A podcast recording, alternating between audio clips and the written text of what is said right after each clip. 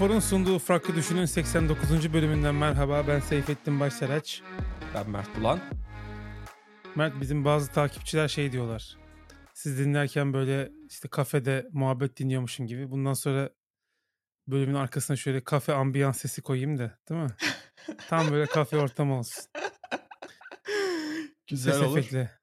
Aynen. Aynen. Ama arkada böyle klavye sesleri falan da olması lazım çünkü hani artık kafelerde sadece insanlar kahve içmiyor da böyle Yok be burada herkes kahve içiyor. Çalışan. Gün- Öğlen vakti falan oluyor çalışan da. Starbucks'larda falan özellikle şey kahve alınca, aldıktan Hı. sonra böyle biraz fazla oturunca tip tip bakmayan baristalar yok orada. ya o da çok garip geliyor bana açıkçası yani. Ben Abi şimdi mekanlar küçük. Hı. Adam kafe mesela. 8 tane masası var. Şimdi adam oraya gelip de çalışınca e, bu sefer yeni müşteri Aa, burası dolu deyip oturmuyor. Adam zaten orada sattığı kahve hacmi ona göre Starbucks gibi değil mesela. Ama ona göre de şey yapmaları gerekiyor abi hani fizibilite çalışması yapman gerekiyor yani hani kaç kişi gelir kaf- ka- kafeye hani burada mesela abi alıyorsun 3 euroya bir tane cappuccino veriyorsun ondan sonra oturuyorsun saatlerce biz mesela işte ben az önce oradan geldim board game oynuyorduk gene saat işte e, 6'da başlıyor kafa 10'da mı kapanıyor ona kadar millet oturuyor yani bir tane içecek içiyorlar bazıları Hı hı. yemek falan da yiyor o yani ama yani ona göre hesap etmen gerekiyor. Ona göre şey yapman gerekiyor.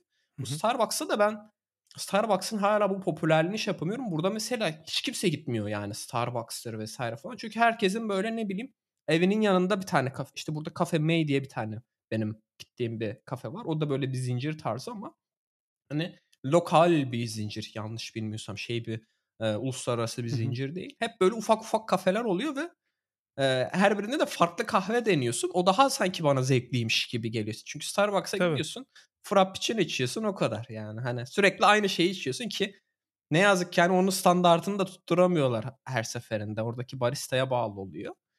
Hars şeyi diye ta- kaynar sütü döküyor üstüne. haşlıyor kahveyi. Zaten koyu kavrulmuş kahve.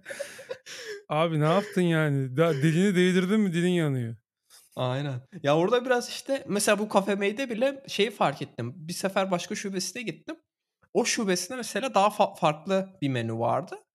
Orada mesela işte eee, neydi işte nane çayı yapıyorlar. Nane çayı sunuyorlardı.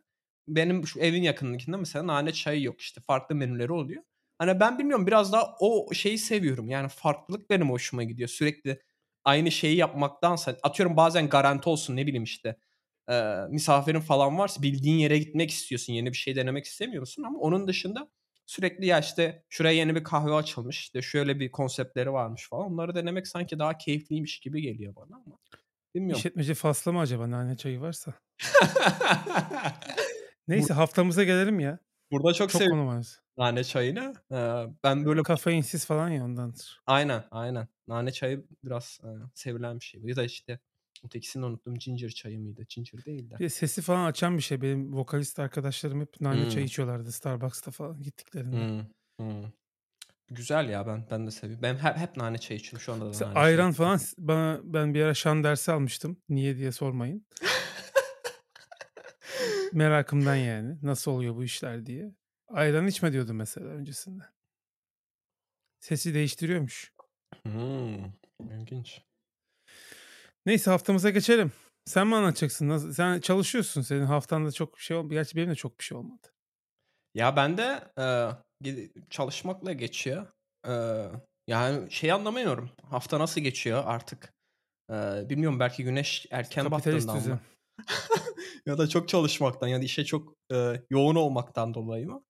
Bir de artık yani çok fazla toplantı falan da yok. Bayağı full fokus bir bakıyorum. Aa saat 4 olmuş 5 Hmm. olmuş oluyor. Çok çabuk geçiyor ama e, hafta sonu bir tane e, 4 bölümlük bir Apple mini bir belgesel doku serisi diyorlar e, yayınladı. E, senin de ilgini çekeceğini düşündüğüm bir belgesel.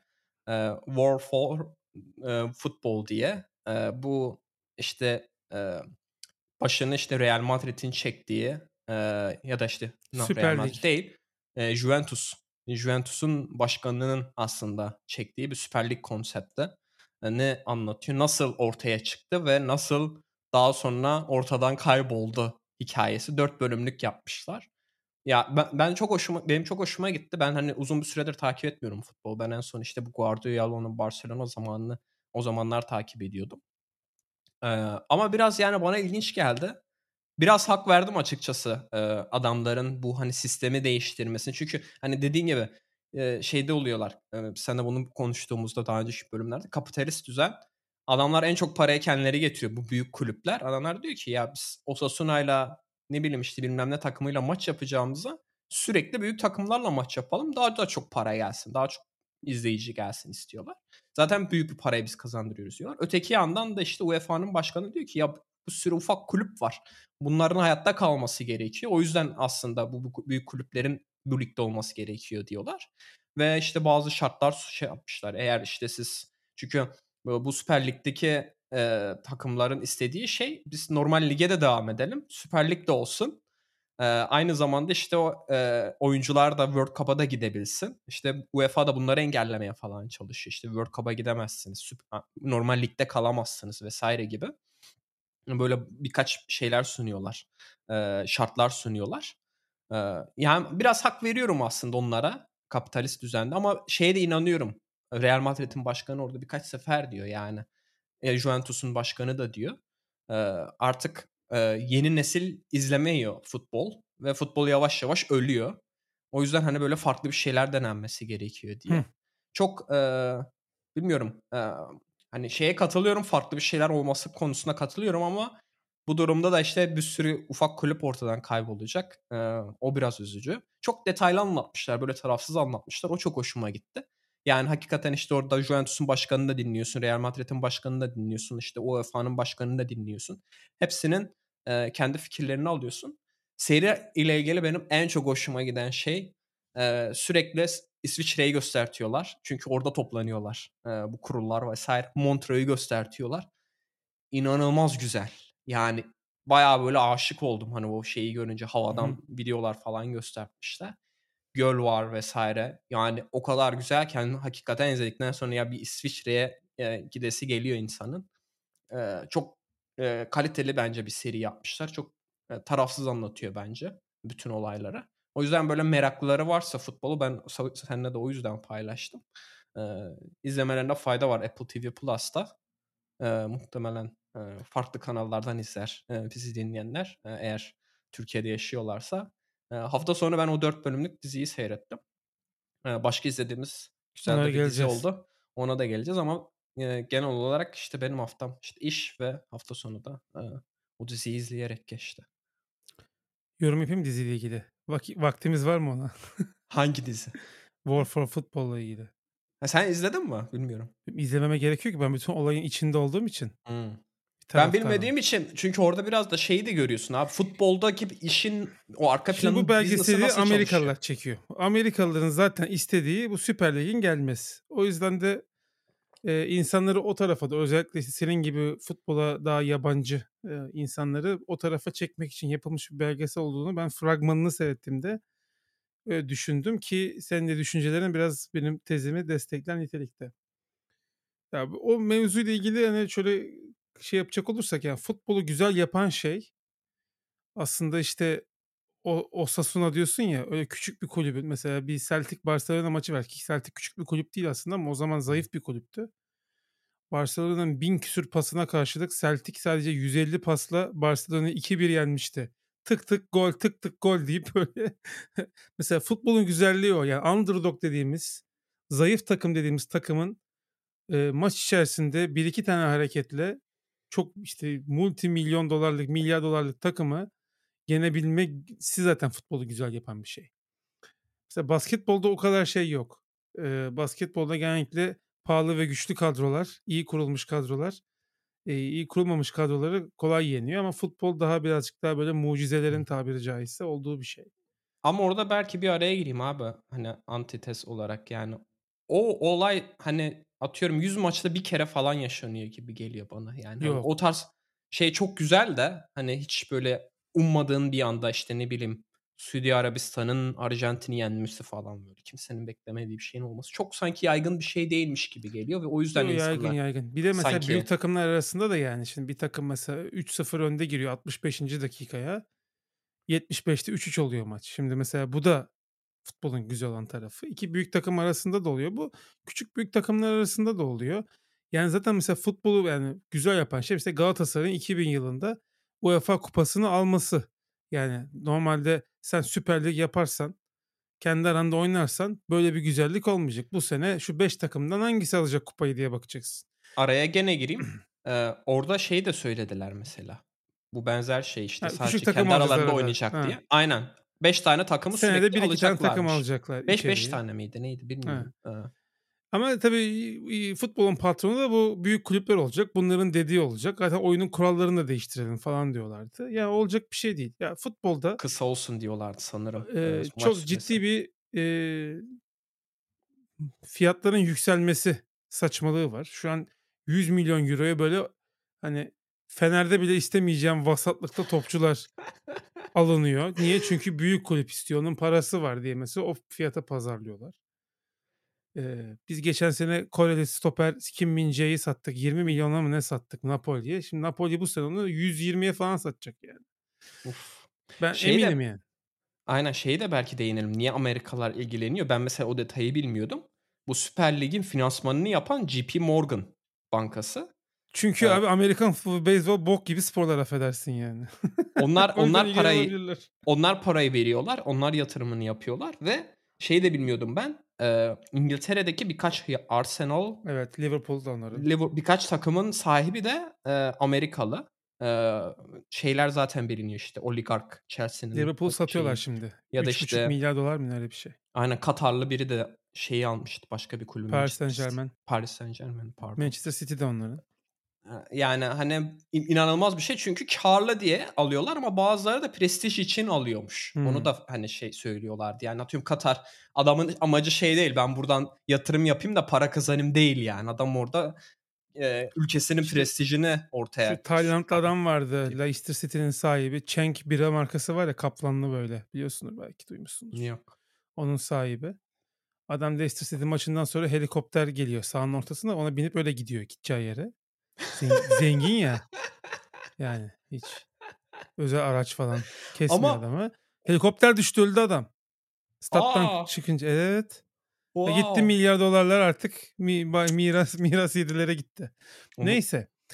Ee, şimdi tekrar futbola dönecek olursak. Ya futbolu düzeltmek istiyorlarsa bir bu maliyetlerin bir şekilde önüne geçmeleri lazım. Geçmeye çalışıyorlar burada. Hani zenginler kulüp aldıkları zaman kendi servetlerinden kulübe aktarım yapamasınlar diye e, yapıyorlar ama adam sponsor gidiyor Qatar Airways'e sponsor yapıyor. Diyor ki size diyor 500 milyon dolarlık reklam anlaşması falan diyor. Öyle yediriyor. Hmm. Onun yolunu buluyorlar zaten. İki bahis abi. Bahisi bitirmeleri lazım. Futbolu öldüren şey bahis yani. Çünkü e, güvenilirlik ortadan kalkıyor. Mesela şey bilmiyorsun.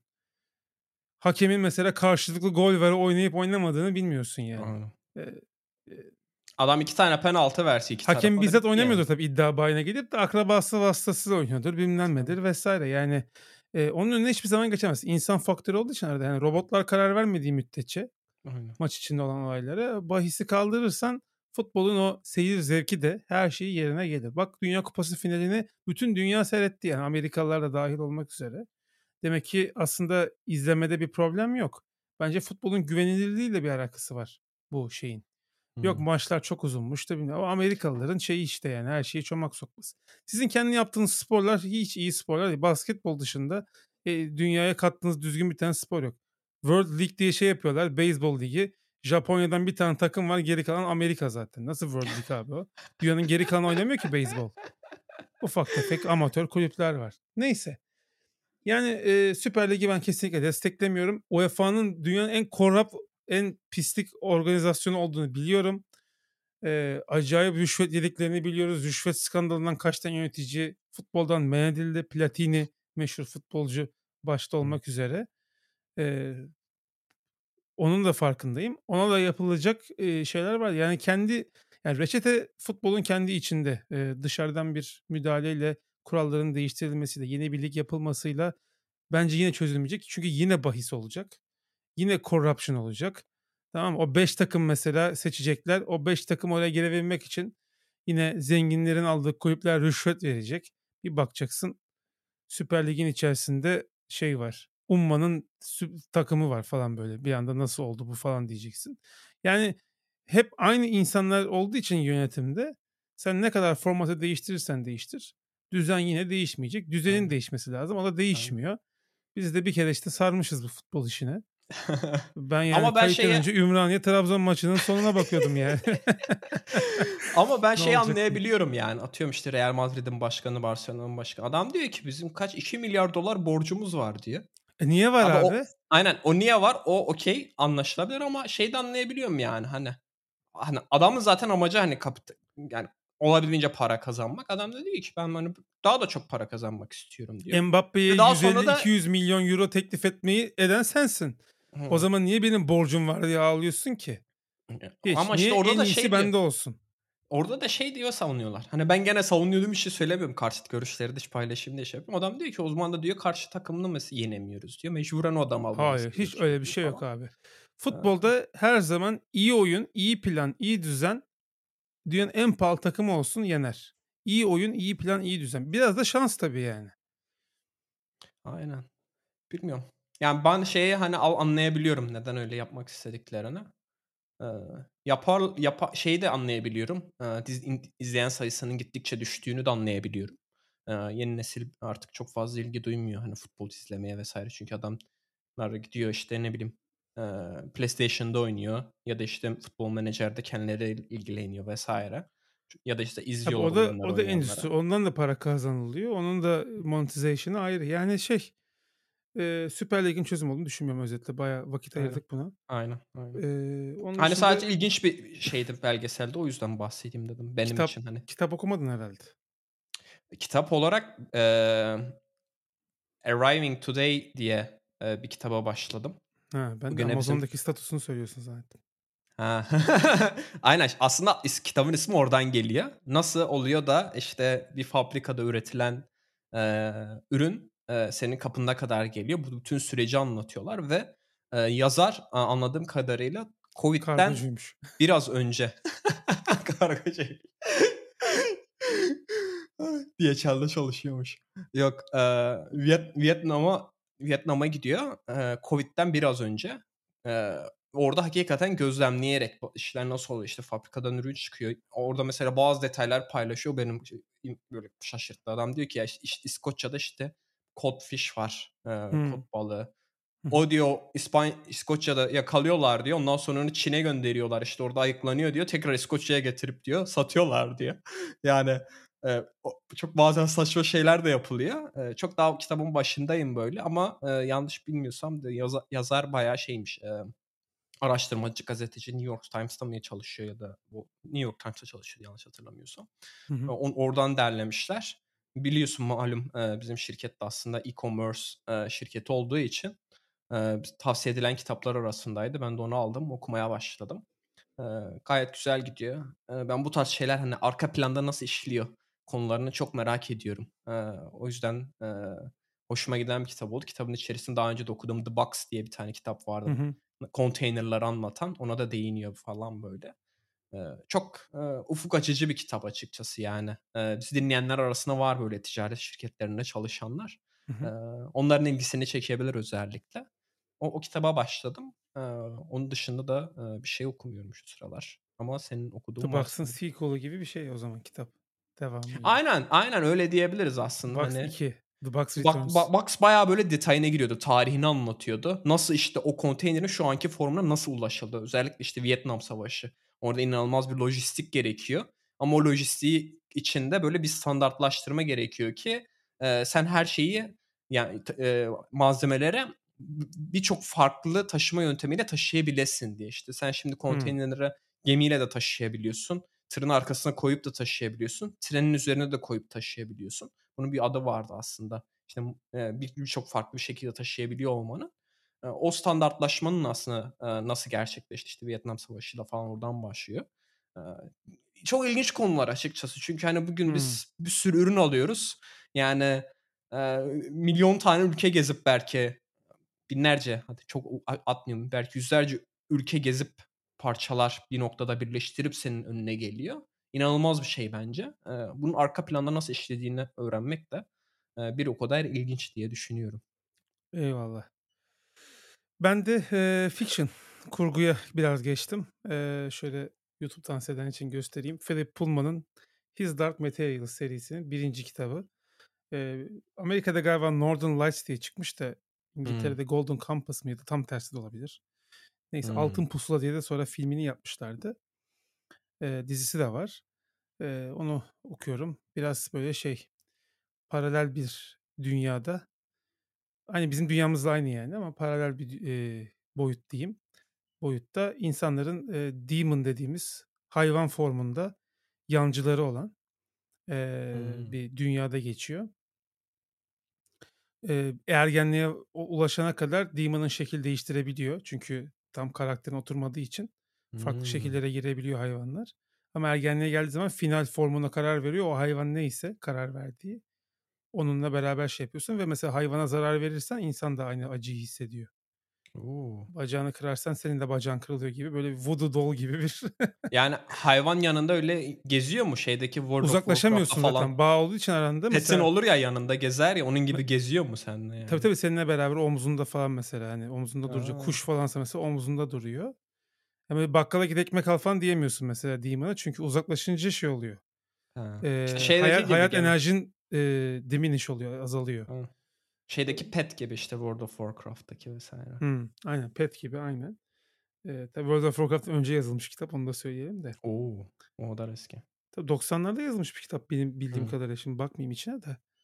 Eee, işte Oxford'da geçiyor. Londra'da geçiyor, Hımm. İngiltere'de. O! Eee, Güzel. o dönemlerde geçiyor. Hatta, eee, bu s şimdi 3 kitap bu seri. Eee, daha sonra buna Book of Dust diye, eee, ne sequel ne prequel, equel diye tanımladığı bir seri daha yazdı. Aynen, buradaki karakterlerin böyle başka hikâyelerini anlatan ama eee, zaman olarak hem öncesinde hem sonrasında geçen böyle, Hımm. eee, daha detay veren yani hikâye hakkında. Onun 2. kitabında Ayasofya Camii var kapağında. O da Türkiye'de A! geçiyor. Zaten Türklerden çok bahsediyor işte, eee, çocukları falan kaçırıp köle yapan Türkler var şeyde.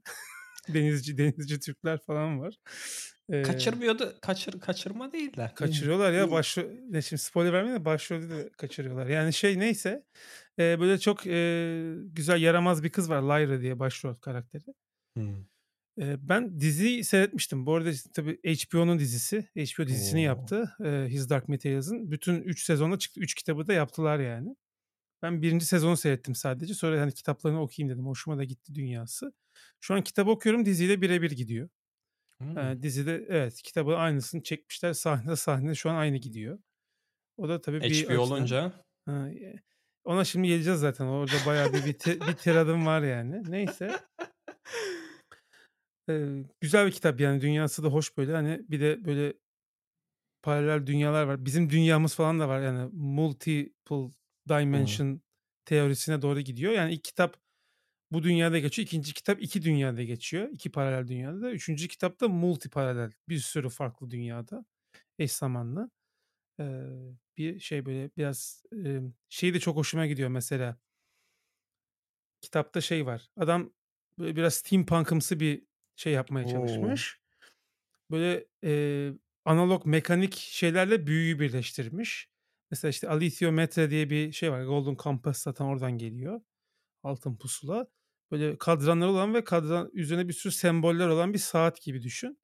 Sen, eee, sembollerin üzerine sormak istediğin soruyla ilgili kadranları ayarlıyorsun. Sonra bir soru soruyorsun şeye. O da bir sembolün üzerine dönüp dönüp böyle duruyor. O mesela gelecek tahmini yapıyor. Sana geleceği söyleyen bir alet ama aleti kullanmayı çok iyi bilmen lazım. O yüzden, işte, karakter de başta biraz bocalıyor nasıl kullanacağım bunu falan diye. Dünyada da 9 tane var falan bu aletten. Böyle, hani, şeyleri çok değişik, eee, eee, an anlatıları çok değişik. O yüzden de hoşuma gidiyor dünyası. Hakikaten böyle okurken geceleri okuyorum genelde yatmadan önce. Böyle şey yani, aklım böyle o tarafa doğru gidiyor. Bu dünyadan soyutlanıyorsun. Hoşuma gitti. Eee, diziyi de tavsiye ederim. O dizi çok iyi. Dizi bayağı iyi. Yani HBO dizisi zaten de. Hatta yani HBO dizisi demişken aslında yavaştan geçebiliriz şeye, Last of Us'a. Last of Us'ın 1. bölümünü seyrettik bugün ikimiz de. Pazartesi günü Türkiye'de yayınlandı. Amerika'da da galiba ya pazar ya pazartesi yayınlandı. Eee, Türkiye'de Blue TV almış haklarını. Biraz Hımm. son dakikaya kaldı. Eee, onu da anlam veremiyorum tabii. Bilmiyorum arka tarafta ne döndüğünü ama Ya, bu kadar büyük kitlesi olan bir şeyin farkında değillermiş gibi geliyor bana. Blue TV'nin uygulamasında da çok ciddi sıkıntılar var. Eee, altyazı değiştirmeye çalışırken bugün bir 2 dakika falan uğraştım. Çok böyle bir tam böyle tam 90 derece açıyla böyle yukarı swipe etmen gerekiyor falan Apple TV kumandasını. Of. Yoksa başka yerlere gidiyor fokus falan. Böyle bir kötü yapmışlar yani. Çok da hata almış insanlar ilk gün. Bizim Telegram grubunda da bayağı bahseden vardı. Evet, evet. Eee, Recep bahsetmişti. Eee, şimdi Last of Us'la ilgili ben biraz şey vermek istiyorum açıkçası. Ben, eee, Last of Us çıktığı gün aldım oynadım Last of Us'ı. Böyle Kadıköy'e gidip, PlayStation Hikâyesi ne 3 belki? Önce ondan. Evet, eee, hikâyesi şu: Aslında bir, eee, mantar salgını oluyor. Virüs salgınından ziyade bir mantar salgını oluyor ve insanlar delirmeye başlıyorlar ve çok hızlı yayılıyor dünyada. Böyle normal hayatını yaşayan bir baba kızı oynarken bir anda, yani, böyle 2 dakikada falan dünya tersine dönüyor. Sonra, işte, çok sonrasını gösteriyor dizi. Yani, spoiler vermeden anlatacağım ama, hani, medeniyetin tamamen çöktüğü, insanların böyle hayatta kalmak için küçük gruplar hâlinde çaba verdiği bir dünyaya doğru, işte, yiyecek sıkıntısı var, giyecek sıkıntısı var, yakıt sıkıntısı var vs. öyle bir dünyaya doğru bir anlık bir geçiş oluyor. Bu zaten çok işlenen bu arada bir konu ama Last of Us'ı güzel yapan şey 1'incisi hikâyeyi karakterlere çok net bir empati kurdurarak yapıyordu. Oyun için söylüyorum bunu, eee, ve interaktif de olduğu için ya, bir oyunda bu tarz bir hikâye anlatısı, bu tarz bir yönetmenlik tabiri caizse direction daha önceden hiç görülmemişti. Çünkü animasyonlar çok detaylı ve, eee, çok gerçekçiydi ve hakikaten özellikle o ilk dizinin de zaten ilk 20 dakikası, oyunun da o 10. dakikayla 20. dakika arası, eee, o, işte, şehirden kaçma mevzuları vs. o kısım, ya, ben, eee, kumanda elimde böyle kala kalmıştım onu oynarken ilk oynadığımda. Eee, tabii sonra oyunu bitirdik vs. ve hikâyesiyle, eee, ve hikâye anlatısıyla, eee, çok ön plana çıkmış bir oyun. Oynanışı o kadar mükemmel değildi yani Hı oynarken de. hı. Eee, zaten fark ediyorsun onu ama, eee, diğer açıları kusursuz yapan bir oyundu ve, hani, oyun ta oyun şeyinde bence Sony'yi de değiştiren oyun. Çünkü çok başarılı oldu oyun ve ondan sonra Sony hep oyunlarını bu tarz hikâyeli, eee, yönetmenliği kuvvetli, prodüksiyonu kuvvetli işlere doğru çevirdi. Oyun dünyasını değiştirmiş oyunlardan bir tanesidir yani. Yılın oyunu adayımdır benim de o sene. Çok severek oynamıştım. Neyse bunun dizisini çekmeye karar vermişler ve çok güzel bir karar eee, alarak Chernobyl dizisini çeken Craig Maz Mazin Mazin abimizi başa koymuşlar.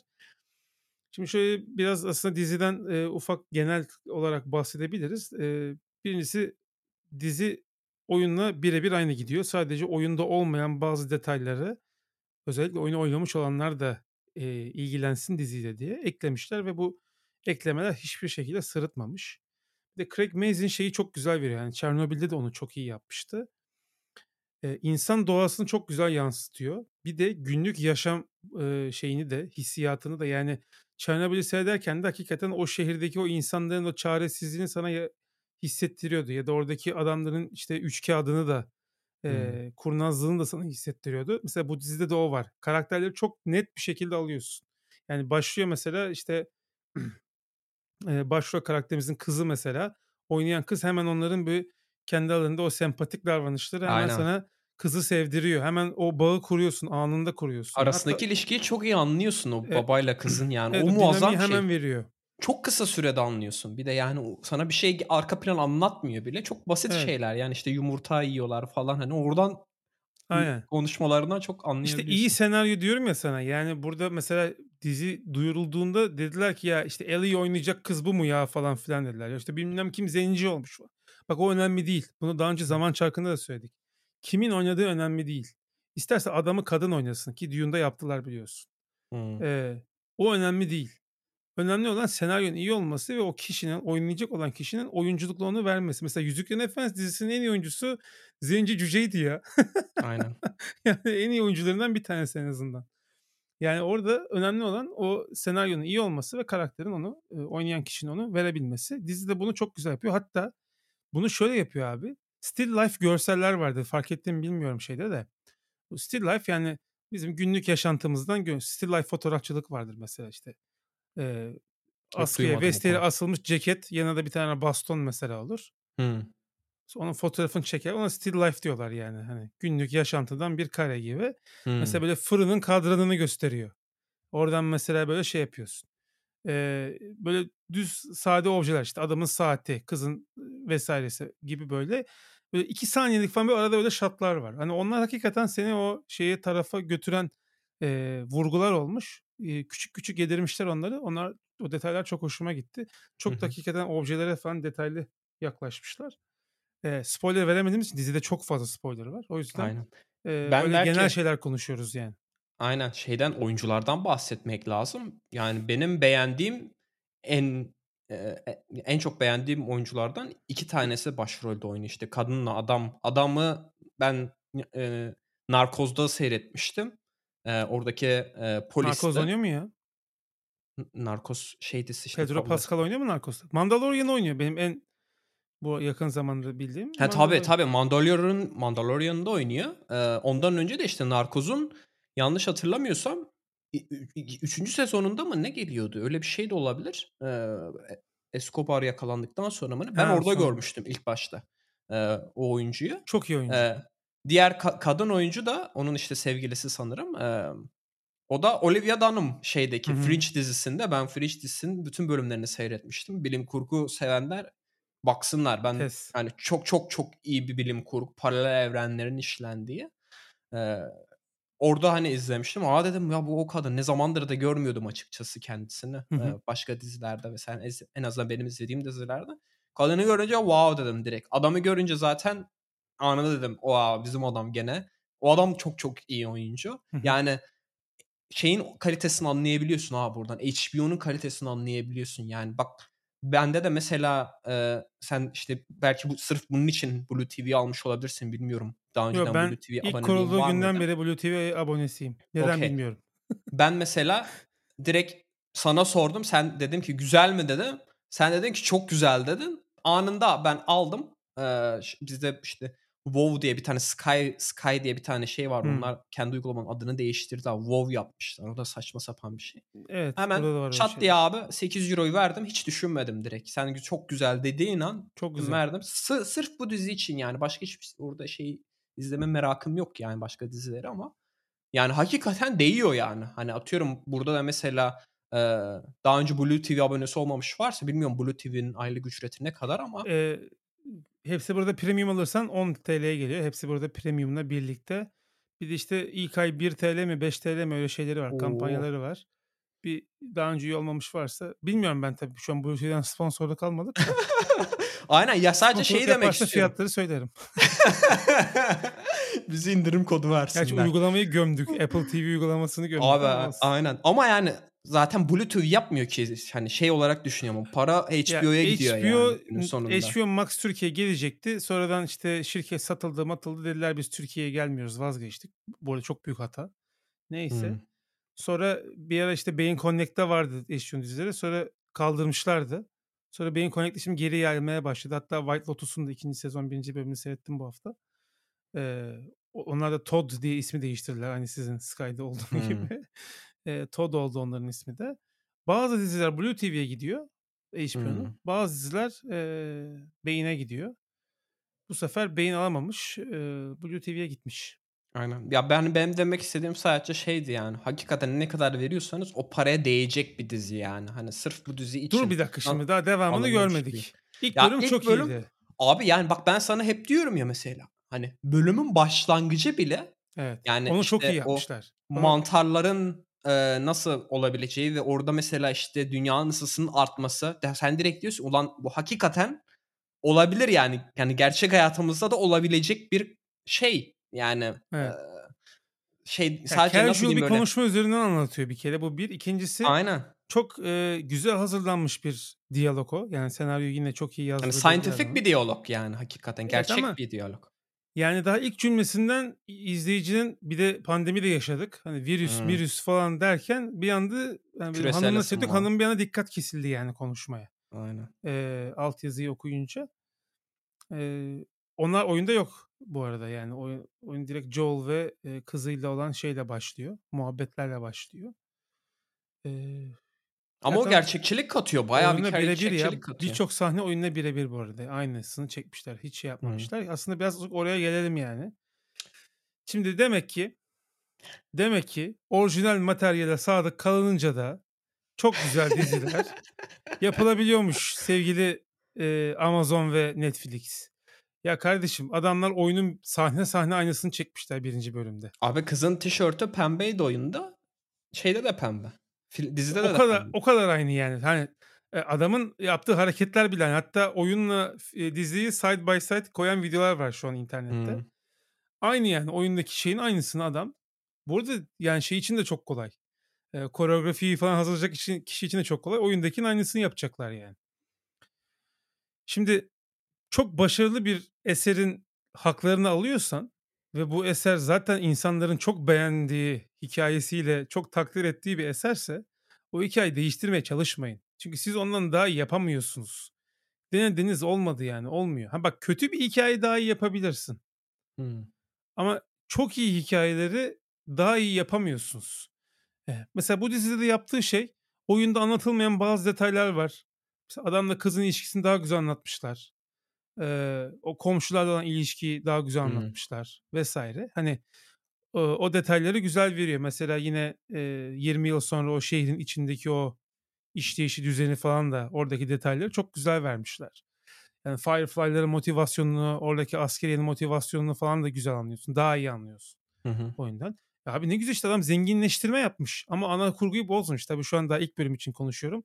Çünkü e, oyunu yapan Neil Druckmann dediğimiz abi de şeyde projenin içerisinde. O abi Hmm. varsa ben her zaman temkinliyim. Çünkü Last of Us'ın muhtemelen ikinci sezonu çok kötü olacak. Eğer birebir yaparlarsa. Çünkü ikinci oyunun hikayesi fecaatti yani. Hakikaten lise draması gibi bir hikayesi vardı. Ee, bakalım orada belki de e, şey yapacaklar. Hani orada daha HBO devreye girecek ve bir şeyleri değiştirecek. Onu bilmiyorum ama ilk sezon olarak e, ilk oyun mükemmeldi. Hikayesi, e, anlatısı. E, muhtemelen e, ilk sezon güzel bir sezon olacak gibi eğer çok şey değiştirmezlerse. Ya bu Neil, Neil abimiz biraz Vogue tayfayla falan takıla takıla şey oldu. E, düşünceleri değişti yani.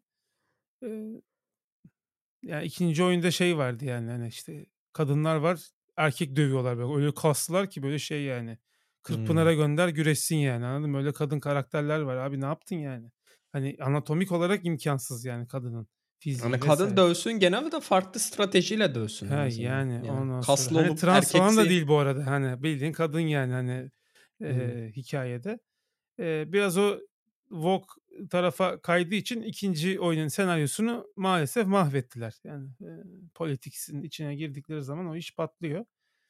Ama ilk oyunun senaryosu o zaman çünkü Vogue muhabbetleri olmadığı için o zaman yazıldığı için hala da aynı şekilde kalmış. Oradaki o işte o aromayı katmazlarsa birinci sezona ee, ya onun da katmanın bu arada adabı var. Onu da düzgün bir şekilde katarsın yani. Onda da Tamam. sıkıntı yok da.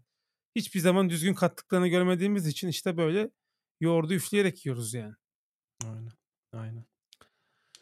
Ee, neticede çok e, beğendiğim dizi. Herkesin bir Xbox fanı falan zannediyor. Ben PlayStation'ın Last of Us e, oyunlarını çok severim. Birinciyi özellikle. İkinciyi aynı şeyi söyleyemeyeceğim. Ee, Sezar'ın hakkı Sezar'a yani. Biz zamanında PlayStation'cıydık. Aynen. Buradan istersen e, yavaştan haftanın konularına geçelim. Bir, bayağı hareketli bir haftaydı. Yani daha bu bir tane şey meme var ya e, What a Week diye. Hmm. Captain It's Wednesday. Aynen. Hala çar, da- daha çarşambadayız falan gibisinden.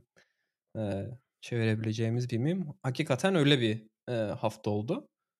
Öncelikle e, salı günü Apple'ın normalde Ekim ayında yanlış bilmiyorsam beklenen duyurusu gerçekleşti ve duyuruyu da sadece bir video ve işte basın bülteniyle yaptılar. Duyuruda ş- M2 Pro, M2 Max işlemcilerini tanıttılar ve bu işlemcileri kullanan MacBook Pro ve Mac Mini cihazlarını tanıttılar.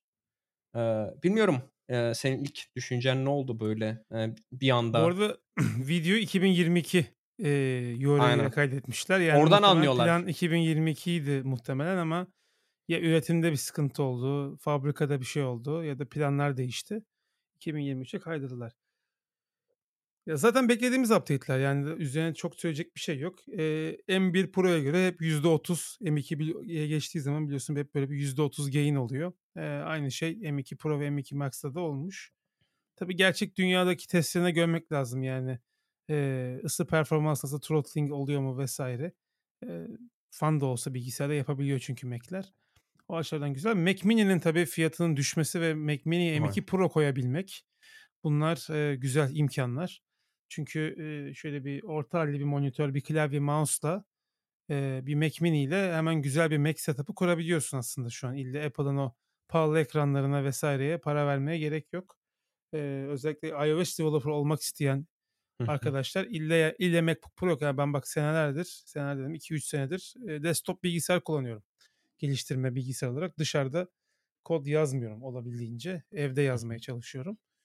Eee, ve hani çok da güçlü oluyor bilgisayar. Mac Mini de kuvvetli bir makine. O yüzden hani güzel bir opsiyon oldu bence. Ucuz halde Mac, PC klavyesi, mouse'u bağlayarak bile, eee, Mac geliştirme yapılabilir. Bir de server tarafı da var. Yani atıyorum Ha, server'da server'da tabii. M2 Pro kullanabilmek, eee, bazı şeyleri değiştirirmiş gibi geliyor. Bir de biliyorsun geçen bölümlerde geçen bölümde bahsetmiştik. Apple'ın bu işte Stable Diffusion'u destekleyen kendi. ML modellerini çıkartması. Bu biraz aslında, hani, işte o modeli sen bir de M2 Pro'da çalıştırsan, eee, şeyini akıllara getirtiyor. Çünkü, eee, tanıtma videolarında da değindiler yani Mac Mini birçok işte server'larda da kullanılıyor, eee, gibisinden. Tabii işte bunun yanında, eee, build sürelerinin de iyileşmesi var. Fiyata da sen $600 olarak çıktı, eee, base modeli. Eee, bir de buna sen öğrenci indirimi de ekleyince yanlış bilmiyorsam $500'lara falan düşüyor.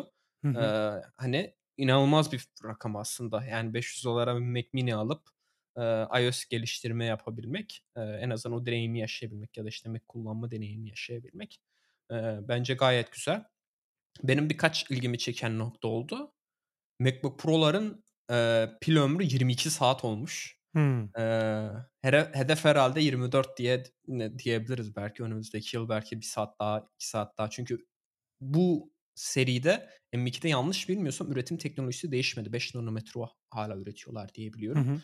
Eee, ama 3'e hiç ge geçecek, eee, işte TSMC, eee, onun üzerine çalışıyor diye biliyorum. Hatta, eee, Amerika'da falan da fabrika kurmaya başladı TSMC. Eee, biliyorsun artık, eee, Avrupa ve Amerika, eee, eee, hükümetlere inanılmaz paralar bayılıyorlar şu anda. Ü çip üretimi kendi ülkelerine gelsinler diye gelsin diye. Eee, hatta Tim Cook da açılışına gitmişti fabrikanın, TSMC'nin fabrikasının açılışına. Eee, belki bir sonrakinde dediğim gibi 24 saatlik bir pil ömrü olabilir ki o da inanılmaz bir şey. Zaten videoda da onu göstertiyordu. Yani 3 kişi farklı işleri yapıyordu. Bir tanesi iPad uygulaması geliştiriyordu. Bir kişi bir video editing yapıyordu. Eee, ötekisi de sanırım bir fotoğraf, eee, video editing gibi bir hı. şey yapıyordu.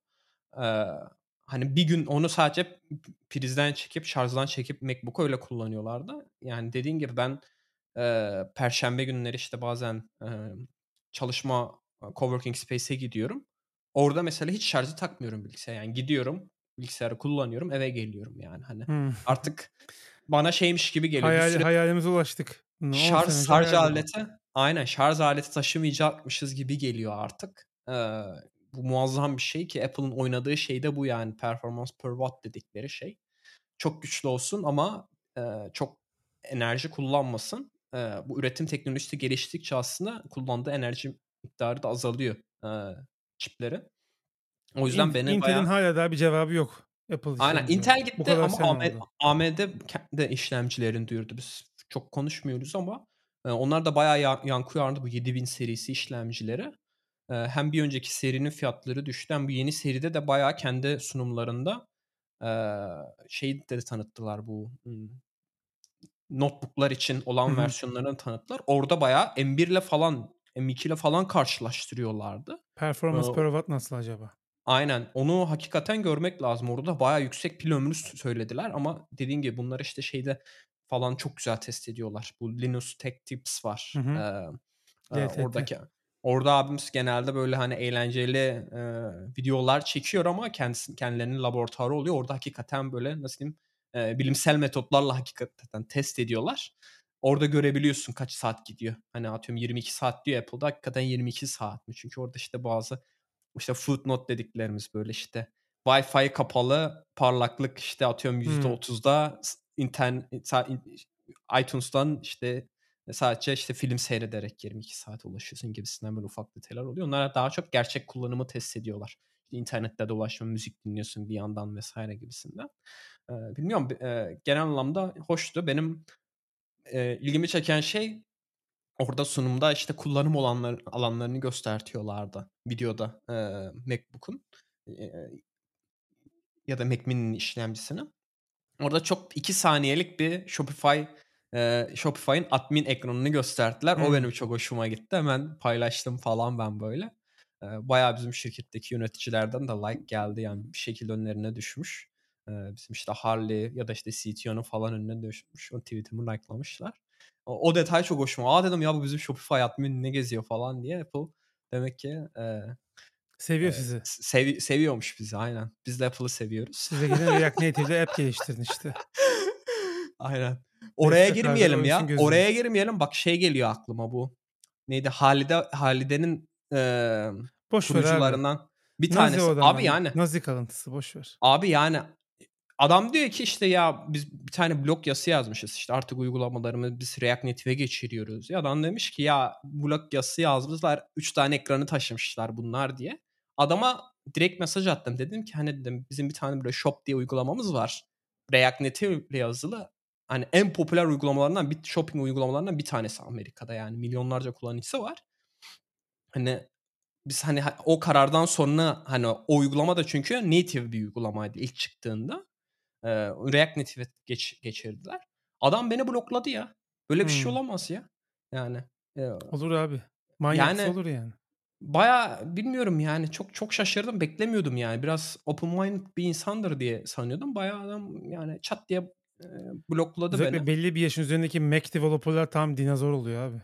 Yani abi bunda ne var yani bizim hani işimiz gereği hani o business modelimiz onu mantıklı görmüş. Çünkü işte atıyorum geliştirici bulamıyorsun. Çünkü işte atıyorum product market fit bulabi- bulamamışsın daha. Hı hı. Yani sen hem Android'de hem iOS'te geliştirince işte bazı özellikler yetişmiyor. İşte bir sürü sıkıntı var. Konuştuk mu bunu daha önceki bölümlerde. Yani o mantıklı gelmiş. React Native'e geçmişler. Yani bunu hani Apple bile mutlu yani hani bizde bizim uygulamayı bazen işte ön plana çıkartıyorlar falan. Sen kimsin de yani hani böyle şey yapıyorsun. Apple'ı bu kadar fanatikliğini yapıyorsun. Neyse. Ee, bunun dışında bir de e, HomePod'u geri getirdiler. Bu çok bence herkesi şaşırtan bir gelişim oldu. Çünkü HomePod'u işte discontinued dedikleri yani artık satmıyoruz dediler. E, des, e, HomePod'un bu ilk versiyonu, büyük olan versiyonunu. Şimdi tekrardan yine benzer bir şekilde bir video ve basın bülteniyle biz HomePod'u geri getirdik dediler. Benim tahminim abi orada şey yaptılar. Ya üretimde sıkıntı vardı ya çok pahalıya mal oluyordu. Ya da işte dediğim gibi cihazın kendisinde bir sıkıntı vardı. Hı hı. E, hatalı üretim olabilir ne bileyim belli bir kalite standartlarını tutmuyordu. Çünkü Apple gene hani ben böyle bir şey hatırlamıyorum. En son ne zaman yaptılar. Bir ürünü lanse edip ürünün normalde ikinci versiyonunu sunarlardı. Birinci versiyonu satmayı durdururlardı. Ama bunu direkt ikinci versiyonu duyurmadan birinci versiyonu durdurdular. Sen sadece HomePod mini ile baş başa kaldın. Ee, ama şimdi tekrardan HomePod'u bir daha geri getirdiler. Ee, o yüzden ben tekrardan düşündüm acaba bir HomePod alsam mı diye. Çünkü inanılmaz yorumlar Bence biraz okudum. bekle. Yine kaldırırlarsa evet. bilmiyorum. Şey gibi Abi, geldi yani. Tim Cook böyle bir müzik açayım da dinleyeyim falan diye 40 yılın başı aklına gelmiş. Sonra evde bakmış hoparlör yok. Ulan bizim bir hoparlör vardı falan gibisinden bir durum olmuş olabilir. Çünkü bir Matter desteği eklemişler, bir bir şey daha eklemişler. İki tane şey eklemişler. Ya bilmiyorum. Ya benim tahminim abi dediğim gibi bence parçalarda bir şeyleri değiştirdiler ve onun yüzden hiçbir şekilde hani söz etmiyorlar. Yani orada muhtemelen bir hatalı yeni, yeni üretim... duyurulmuş gibi basın bülteni de öyle. Size HomePod'u sunuyoruz falan gibi böyle bir... Aynen. Bence Niye kesinlikle yani? çok sıkıntılı bir ürün. Ben bilmiyorum çok denk gelmedim ama haklarını da yemeyeyim. Ee, orada bir sıkıntı vardı. Dediğim gibi çok pahalıya mal oluyor da olabilir. Ama şimdi... Serisi çok aptal. Şeyi, Siri zaten aptal da yani. Şeyi fark ettiler abi. Bu HomePod'un satışını durduktan sonra eBay'de falan inanılmaz bir şekilde HomePod satışı başladı ve insanlar eee, bayağı gidip orada daha yüksek fiyata almaya başladılar. Şimdi onlar kazıklanmış hissediyordur. Nasıl gelmeyecek diye E, aldık. muhtemelen. E, muhtemelen. Eee, ama işte güzel bir yanı da şeyde eee, firm, firmware update ile birlikte HomePod Mini'de aslında bunlar zamanında eee, ısı, sıcak sıcaklık ve e, nem sensörü de koymuşlar cihazın içerisine. Eee, bu da aslında güzel bir şey. Eee, eğer işte HomePod'u sen işte o e, oturma odana koyuyorsun. Oturma odanın sıcaklığı ne kadar onu da görebiliyorsun. Eee, Home uygulamasından, iPhone'undan. Onu da aktif hale getirdiler. O da aslında ne bileyim benim hoşuma gidiyor böyle bir cihaz alıyorsun. Bir yıl sonra diyorlar ki senin cihazında bu özellik daha var demeleri Hımm. hoş bir şey. Bu bunu da aktif hale getirmişler. İşte hem HomePod'da hem de HomePod Mini'de. Eee, bilmiyorum beni şaşırtan duyurular oldu. Eee, açıkçası düşünmeye başladım bir HomePod alsam mı diye. Çünkü yani kötü diyen duymadım. Eee, HomePod Mini Ses için kalitesi çok iyiymiş. HomePod Mini için ol diyenler olmuştu ama şeyi de biliyorsun biz gene Telegram grubumuzda, eee, geçen günlerde bu, ses kalitesi, nasıl iyi, eee, yakalanır konusunu konuşmuştuk. İşte, kulaklıklar vs. işte lossless audio vs. kodekler. Eğitici bir muhabbet oldu evet. Aynen. Benim için de çok eğitici. Çok kişi bir sürü şey öğrendi. Sen bir kodekten bahsettin. Ben o kodeyi mesela hiç duymamıştım bile daha önce. Eee, orada bile mesela işte şeyi görebiliyorsun. Eee, iyi bir ses çıkması için hani boşluğa ihtiyacın, hani alana ihtiyacın var. Ne kadar Tabii. bir alana varsa o kadar iyi ses çıkıyor. O yüzden mesela işte HomePod Mini'nin sesinin o kadar iyi olmamasının nedeni çünkü ufak olması. Bir alan olmaması. HomePod Mini'nin iyi iyi bir şey iyi ses çıkartması nedeniyle de daha büyük olması ve o alana sahip olması ki işte, içerisindeki driver dedikleri şey iyi daha iyi hareket edebilsin vs. diye.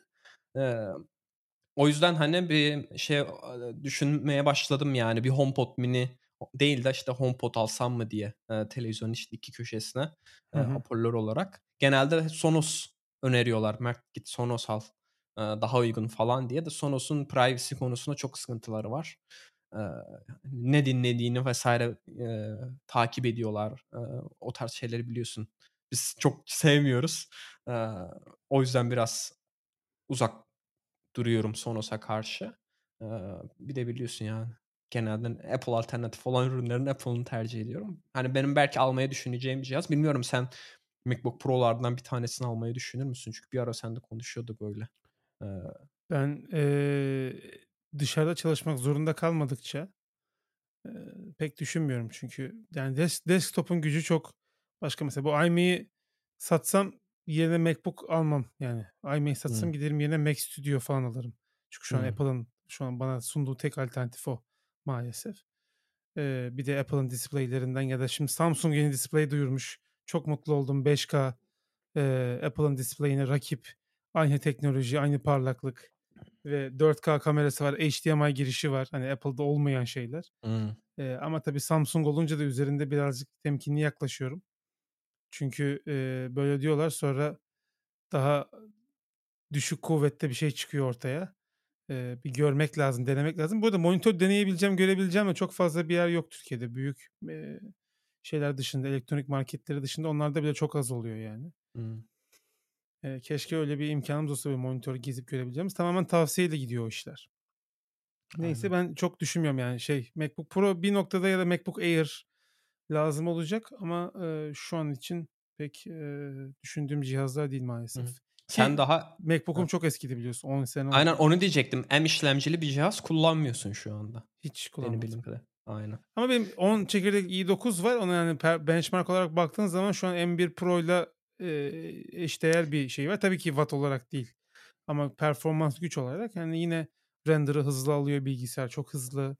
Eee, oyunları çok güzel oynatıyor. Radeon 5000 serisi ekran kartı var ki bence M1, eee, Max'tan bile daha iyidir yani GPU'su.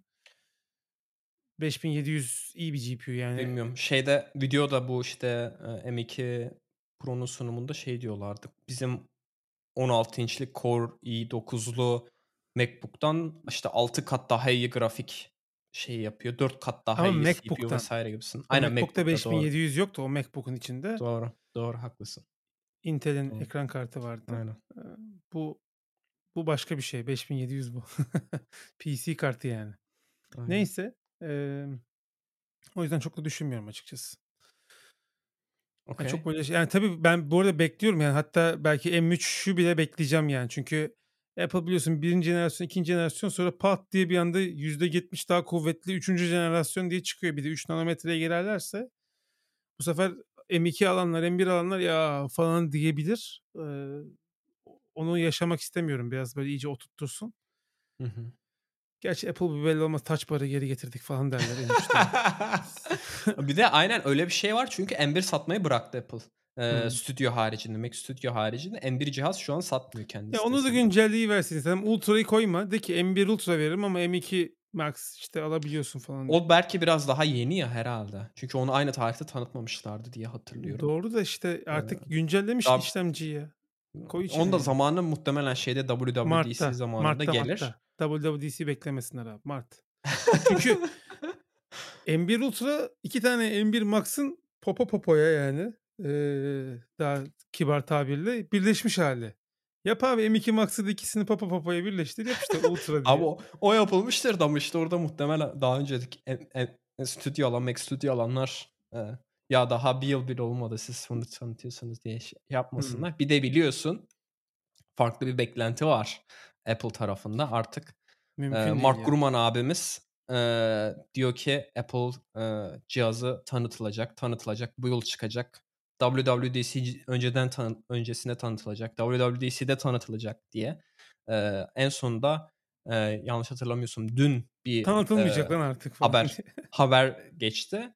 Şimdi aslında bize benim istediğim, eee, Apple'ın işte normal bir gözlük gibi bir gözlük çıkartıp AR özellikini yani augmented arttırılmış gerçeklik özelliğini eklemesi. Atıyorum ben yolda gidiyorken hani navigasyonu benim gözlüğümün camına versin. Eee, işte bisiklet sürerken hani böyle kafamı eğip, eee, telefona bakmak zorunda kalmayayım. İstediğim şey ya da işte birisi farklı dilde konuşuyorsa hop çevirsin, benim gözlüğümde göstersin. Gözlük de böyle şık bir şey olsun. Böyle saçma sapan, emm, şeye benzetiyorlar hep böyle, emm, kayak yapan, eee, Hımm. snow snow, Snowboard gözlüğü. snowboard gözlüğüne benzetiyorlar genelde, eee, bu AR, VR gözlüklerini. Öyle bir şey olmasın ama Mark Gurman dedi ki Apple böyle bir şey yapmayacak çünkü daha o teknoloji hazır değil. O yüzden mixed reality dedikleri, VR'la eee, AR birleşik. AR'ı birleştiriyorlar. Orada da şöyle oluyor. Sen aslında gözlüğü takıyorsun. Eee, orada ekrana bakıyorsun. Eee, gözlüğün dışarısında da kamera var. O kameradan da sana dışarıyı göstertiyor. Sen tekrar onu ekranın içerisinden görüyorsun ki bence biraz ne bileyim, eee, çok iyi bir deneyim değil ama, eee, işte mixed reality dedikleri şey bu oluyor. Apple'ın bunu tanıtacağını söylüyorlar. Eee, ama ben işte bunu hani selling point dedikleri olay var ya, Hı hı. o ne olacak açıkçası Apple açısından tahmin edemiyorum. Çünkü mesela işte Quest'te ya da işte Valve'ın ya da HTC'nin vs. eee, gözlükleri var. Orada hani oyunu satabiliyorlar. Diyorlar ki işte atıyorum Valve, eee, eee, unuttum şimdi adını. Eee, bir tane oyun çıkartmıştı, Hı hı. eee, VR için. Half-Life. Ha, aynen Half-Life Alyx diye. Eee ona ona karşılığı yok Apple'da yani oyun oyun karşılığı yok. O yüzden yani ben niye o gözlüğü alayım? Bir de $3000 gibi bir fiyattan bahsediyorlar. Yani, eee, 2 saat pil ömründen bahsediyorlar. Bazı dedikodularda şey diyorlar, kabloyla işte pil gözlükte olmayacak da kabloyla, eee, eee, cebine koyacaksın pili vs. diyorlar. Yani hani o selling point yok benim gözümde yani Ulan Apple şu an anlattığına göre çok kötü. Çok kötü. Eee, şey de öyle diyor, John Gruber de öyle diyor. Yani, hani, bu anlatılanlar gerçekse ben inanamıyorum diyor. Yani, hani, çünkü genelde Apple, nasıl diyeyim, var olan bir şeyi azıcık iyileştirip getirmektense, işte, mesela kablosuz kulaklık, hani, komple değiştiriyorlar. İşte, Hı hı. sadece Bluetooth'la konuşmaktansa, hani, kendi çip koyuyorlar içerisine vs. Hani, Yani o bir sürü özellik geçmiş içine bir yere yapıyorlar. gizleyemiyorsan abi, cebe mebe sokturuyorsan hiç çıkma daha iyi. Ya, aynen. Ya, ben de öyle düşünüyorum ama bu sefer de, işte, gözlük ağır diyorlar. Uz uzun süre takamıyorsun diyorlar. Yani, hani, teknoloji orada değilmiş gibi geliyor. Sanki daha zamanı varmış gibi. Hani, beklesinler 1-2 sene ki Apple biliyorsun çok sabırlıdır. Hani, bu tarz ürün geliştirme konusunda. Beklerler yani yıllarca, eee, iyice teknoloji otursun, deneyim otursun diye. Çünkü onlar genelde deneyimi satıyorlar ve, hani, herkesin alabileceği bir şeyi, hani, böyle ufak bir kitleden ziyade bütün, hani, average Joe derler ya, hı. onun alabileceği, bir ürün ge geliştirmeye odaklanıyorlar. O yüzden bana biraz, yani, bilmiyorum mantıklı gelmedi. Yani kim alacak abi bu cihazı? Kim kullanacak? Ne için kullanacak? Eee, biliyorsun Meta'da böyle bayağı uğraşıyor. Bir şeyler satmaya çalışıyor. Olmuyor yani hani. Apple'ın da orada ne ekstra getireceğini bilmiyorum. Ama işte eğer gözlüğü olsa mesela sadece hani ben gidip alırdım mesela. $3000 belki bilmiyorum sigorta karşılar mı? Dereceli gözlük şeyinden eee, belki eee, kısmından biraz parasını diye. Ama çünkü hayat kaliteni arttıracak bir şey. Oğlum Eee, karnına yumruğu vurur gözlüğünü çalarlar hiç. O Hiç doğru. gel $3000'lık gözlük 5 kilometreden görür adam. Abi Mesela niye ya? $3000'lık normal bir gözlüğü anlamaz hırsız ama $3000'lık Apple gözlüğü Ha. anlar. Doğru, doğru. Onu diyecektim. Normal gözlükler de aslında yani bilmiyorum benim taktığım $3000 değil de gene eee, pahalı bir gözlüktür ama dediğin gibi anında anlaşılır. Bilmiyorum, eee, senin yorumun ne? Hani cihazı biliyorum sen muhtemelen şey yapmazsın da hani Apple'ın böyle bir şeye girişmesi ya da işte hani bu kalitede bir ürün çıkartabilecek olması ya da en azından dedikodularının çıkması konusunda ne düşünüyorsun? PlayStation'da ve Xbox'a rakip oyun konsolu çıkarsa daha mantıklı yani öyle söyleyeyim. en azından bir foundation kurmuş olur. Bir iki oyun stüdyosu satın alır falan. Hımm. Bir şeyler yapar yani ama eee, bu CEO'lar böyle abi bu bu konuya çok inanıyorlar. Ben de anlamıyorum. Ben de anlam veremiyorum. Yani tam bilim kurgu kitaplarından falan gelen bir şey var ama hani gelecek buraya doğru. O uçan arabayı da çok söylemişti bilim kurgu kitapları. Yapamıyoruz teknik olarak. Feasible değil. Aynen. yapılabilecek bir şey değil. Aynen. Dört tane pervane falan koyman gerekiyor tepesine. Olmuyor yani. Eee, ondan vazgeçtik. E bundan da vazgeçeceğiz herhalde. Öyle gözüküyor. Şu an deniyorlar ama eee hoverboard'u bile yapamadılar Back to the Future'daki uçan Aynen ya. yapamadılar. Yani Aynen. eee, o yüzden de Şey de öyle. anlam eee vermek çok zor abi bu CEO'ların bu bu yönde. Mesela şey de Microsoft da şimdi işten çıkartmaları belki konuşuruz. HoloLens ekibinden bayağı bir insan çıkartmış. Yani HoloLens de Microsoft'un ortam değiştirme aletiydi yani. Çalıştırıyordun. İşte gözlük takıyordun. AR AR, gözlüğüydü. AR Aynen. gözlüğüydü. Yani bir noktadan sonra biz bunu yapamıyoruz herhaldeye ne zaman varacaklar bilmiyorum. Belki de yapacaklar bilmiyorum. Tabii bir eee, başaramayacağını bilmekle bir işe girmekle oluyor ya bazı başarılar hani. Hı hı. Eee, işte Ay'a insan gönderdiniz nasıl yaptınız bilmiyorduk başaramayacağımızın böyle bir hikaye vardı ya. Hımm. Mümkün olmadığını bilmiyorduk. Yapabileceğimizi düşündük. Uğraştık yaptık diyor mesela adam. Hani eee, burada Ay'a gidenler için olmayabilir bir örnek ama belki de bir şekilde başaracaklar ama yani öyle cebime pil takayım yok sırt çantası giyeyim öyle olmaz yani. Hımm. Aynen. Apple'a Yani yakışmaz bayağı yani. Aynen kesinlikle. Benim şeyim de sıkıntım da o yani. Atıyorum Facebook yapsın, başka şirketler yapsın. Eee, okay de Apple çünkü bir şey yapınca hakik işte AirPods mesela çat diye çıkarttılar. Patladı gitti yani. Ben sokakta AirPods giymeyen kişi görmüyorum Ben. açıkçası. Bir de burada diyeyim. Eee, ya da işte şeyde bile bedava veriyorlar. MacBook alıyorsun. Bu, eee, okul zamanları vs. olunca, eee, öğrencilere bedava veriyorlar. Yani herkes AirPods kullanıyor. Artık kablo derdini direkt ortada. Niye abi? Çünkü çok kolay eşlemesi falan. Uğraşmıyorsun öyle. Bluetooth sıkıntısı vs. olmuyor. İşte bu gözlükte de öyle bir şey olması gerekiyor. Yani sen atıyorum, eee, Facebook'un Quest'ini azıcık iyileştirip ne bileyim işte çözünürlüğü daha yüksek bir şey yapıp işte birkaç sorununu çözüp, bir şeyler çıkartacaksan benim için bir albenisi yok ama yani hakikaten böyle çok farklı bir deneyim getiriyorsan yani 2 saatlik kullanım bile yani çok saçma yani. Bu arada bunu şu an feasible en yapabilmesi mümkün şirket Apple. Çünkü kendi işlemcisini üretiyor ve işlemcileri Tabii. çok küçük boyutta olmasına rağmen çok yüksek performans verebiliyor ve çok az enerji tüketiyor. Aynen. Yani taşınabilir cihazlar konusunda en iyi donanımı üreten firmalardan biri belki de en iyisi şu an Apple. Yaparsa onlar yapacak taşınabilir bir gözlük ama eee, tabii yani yazılım tarafını da çok geliştirdiler. ARKit vs. onlar çok kuvvetli Tabii. A kütüphaneler. aynen.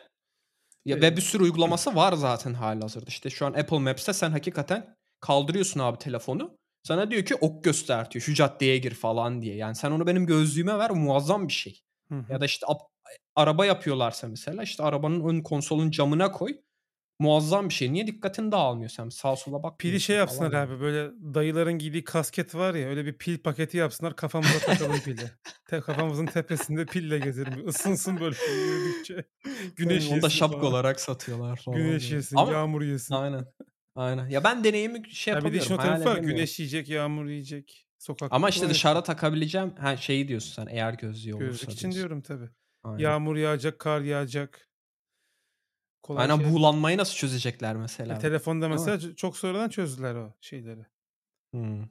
Ekran Benim en, en, en büyük sıkıntım o yani. Dışarıdan çat diye bir kafeye giriyorsun. Hop hiçbir şey görmüyorsun yani gözlükte. Yani. Onu bile çözseler var ya direkt şey olur ya al beni söyle. Silecek yaparlar.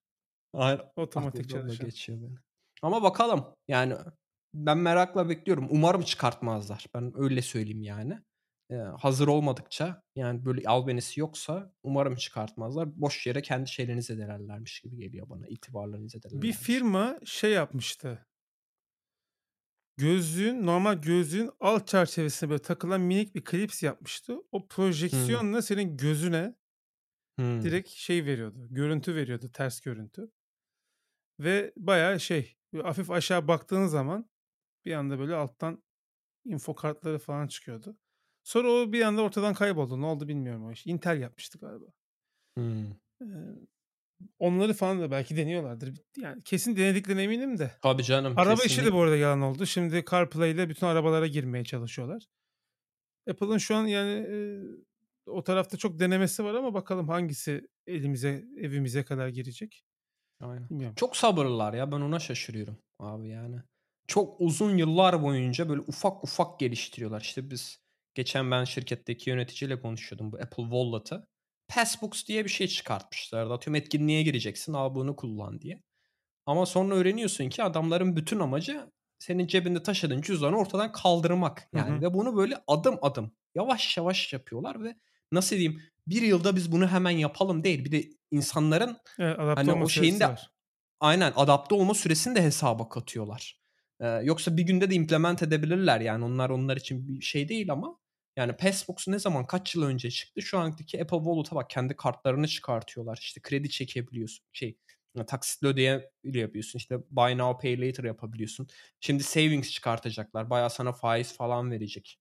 Ku- Eğer e, Apple point şeyi kazanırsan biliyorsun alışveriş yaptığında %3 mü ne geri veriyorlar sana. Hı hı. Hani Cashback. hani düşün yani adamlar yani bunu yavaş yavaş yapıyorlar. O bence yani çok takdire değer bir şey diye düşünüyorum. Yani herkesin yapabileceği bir şey değil. İşte Google'ı falan Facebook'u görüyorsun. Yani işte Google Glass çat diye adamlar çıkartıyor değil mi? Ama hazır değil yani. insanlar hazır değil. Teknoloji hazır değil. Bir anda patlıyor ondan sonra sönüyor gidiyor. Ee, o bence çok benim hoşuma gidiyor yani böyle. Arkadan muhtemelen milyarlarca dolar yiyorlar. Hı hı. Ama ortaya hiçbir ürün çıkartmıyorlar. Ee, o çok bence takdir edilesi bir şey. Evet. Buradan sen e, işten çıkartmalardan bahsedin. İşten çıkartmalar hala ne yazık ki devam ediyor. Ee, bunu zaten e, bizim Gergerli abimiz de bahsetmişti. Ee, yılbaşı zamanı ya da işte pardon Christmas aslında daha çok önemli e, yabancılar için. Christmas zamanı işten çıkartmayalım. e, bekleyelim diyen birçok şirket artık işte yılbaşı da bitti. Ocağın işte ortasına da geldik. Aa, artık işten çıkartabiliriz deyip işten çıkarmaya başladılar. Bu sefer büyük şirketler gene. Amazon 18 bin kişi işten çıkartacağını duyurdu. Microsoft da 10 bin kişi çıkartacağını duyurdu. Ee, ama şunu da paylaşmakta yarar var. Microsoft yılda 20 bin kişi almış son birkaç yıl boyunca. Ee, hani onu düşünmek lazım. Amazon'da da gene benzer senaryo vardır. Bu rakamlar hani hani bizim bizim şirket belki 10 bin kişi verir bilmiyorum. Yani hani o şirket bir, normal bir şirket boyutunda insan çıkartmak ama çok inanılmaz geliyor ama işte Microsoft'ta 200 bin kişi çalışıyor dediğin zaman ya da işte Amazon'da kaç bir buçuk milyon kişi mi ne çalışıyor? Çoğunluğu tabii bu warehouse'larında Hı hı. paketleme vesaire yapıyorlar. Ya da Biz bir aileyiz. vesaire gibi E şeyi yapıyorlar. bir buçuk milyonluk. Aynen. Ama işten çıkartmalara baktığımızda genelde e, normal pozisyonlarda görüyoruz. Tabii çoğunlukla işte çok fazla işe alım yapmadıkları için HR pozisyonlarında bizim Telegram grubunda da gene böyle çok bahsediyorum Telegram grubunda ama yani çok güzel muhab- muhabbetler dönüyor. Yani gün- gündem takip ediyoruz vesaire. Orada da hani söylemişlerdi yani işte bu işten çıkartmalarda hep HR'lara yükleniyorlar çoğunlukla diye. E, Microsoft'ta da sanırım ya da Amazon'da da genelde öyle ol- olmuş. Ama Microsoft'ta senin dediğin gibi işte HoloLens, Microsoft Edge, e, birkaç tane oyun stüdyosu, bu işte Ha- Halo'yu yapan oyun, stüdyosu, Eee, bir de Bethesda'dan vs. işten çıkartmalar olmuş. Hani, orada aslında şeyi görüyorsun sadece, işte, atıyorum marketing ve, eee, sales'tan adam, ya da HR'dan adam çıkartan değil, bayağı yani engineer'lar falan ben gördüm. Adam diyor ki "12 yıldır çalışıyorum ben." diyor. "Beni işten çıkarttılar." diyor. Eee, üzücü haberler ama, eee, böyle hâlâ devam ediyor. Eee, bir yandan da Hacker News'te hep şu muhabbet dönüyor abi, bilmiyorum sen katılır mısın? Bu teknoloji şirketleri abi sürekli birbirinden gördükleri şeyleri yapıyorlar. Yapıyorlar. Eee, bazen, eee, işte, atıyorum bir şey yapıyor bir tane teknoloji şirketi. İşte, ne bileyim Google, eee, biliyorsun, işte, masaj salonu, işte, berberi olan ofis yapıyor. Çat öteki şey yapıyor. Ondan sonra Google diyor ki biz kendi kampüsümüzü yapacağız diyor. Öteki şirketler de kendi kampüslerini inşa etmeye başlıyorlar vs. gibi. Bu işten çıkartmaları da benzer şekilde yorumluyorlar. Eee, hazır bir tren varken işten çıkartma treni ve biliyorsun, eee, özellikle Avrupa'da işten çıkartmak çok ama çok zor. Yani, eee, çok büyük bir suç işlemen gerekiyor, eee, işten çıkartabilmek için. Öteki türlü, eee, bir prosese sokuyorsun, işte, Performance Improvement Program diye, PIP diye geçiyor. Şans tanıyorsun aslında. Bak senin kötü yanların şunlar şunlar. Bunları iyileştir iyileştirirsen şirkette kalabilirsin diye sana böyle 3 aylık falan program hazırlıyor senin team lead'in. Hı O yüzden çıkartmak çok zor oluyor ama bir anda böyle şey olunca, hani, sen team lead olarak onun peşine düşmek istemiyorsun çünkü çok zaman yiyecek senin. Hı hı. Ama, işte, bir anda sana yukarıdan mail geliyor ya da sen mesela bilmiyorsun bile. Özellikle Amazon ve Microsoft scale'indeki şirketlerde takım liderleri hatta direktörler bile abi haberleri olmuyormuş. Sadece bu VP seviyesi, Vice President seviyesinde olan, eee, yöneticilerin haberi oluyormuş, eee, işten çıkartmaların. Onlar da genelde şey diyorlar, eee, bakıyorlar listeye kimlerin performansı düşük, okay, eee, bunları o zaman işten çıkartıyoruz. En yukarıdaki ne bileyim Satya Nadella diyor ki biz 10.000 kişi çıkartacağız. Senin ekibinden 10 kişi bana yaz diyor. Adam diyor ki yönetici tanımıyor çünkü insanlar. Onun onun için daha kolay aslında Hı hı. işten Birer çıkartmak. rakam hepsi. Aynen. On bakıyor adam Excel dokümantasyonu. Son performansı kötü olan en alttaki 10 kişi, al diyor sana isim 10 kişi bunları çıkartacağız diyor. Böyle 10.000 kişi topluyorlar.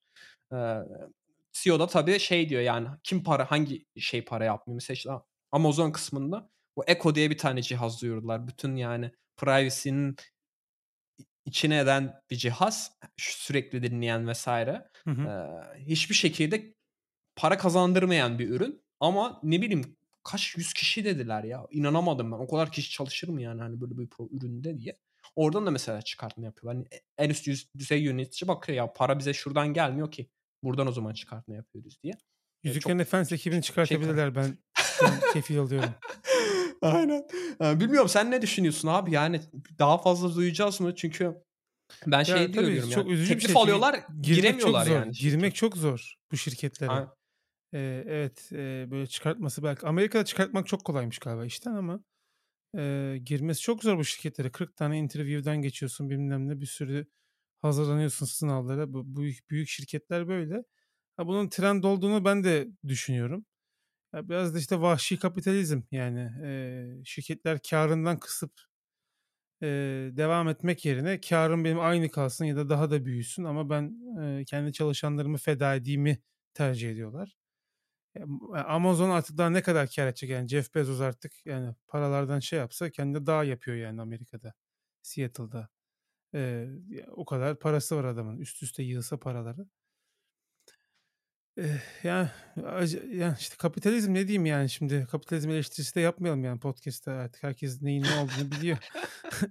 Yani, eee, ailesi olan insanlar için çok zor bir Tabii. süreç. Eee, o yüzden de aslında bu dönemlerde birazcık daha, eee, maddi olarak da tasarruf yapmakta fayda var yani. İşte onu bunu almak yerine, açılmak yerine birazcık daha her an her şey olabilir düşüncesiyle Tamam.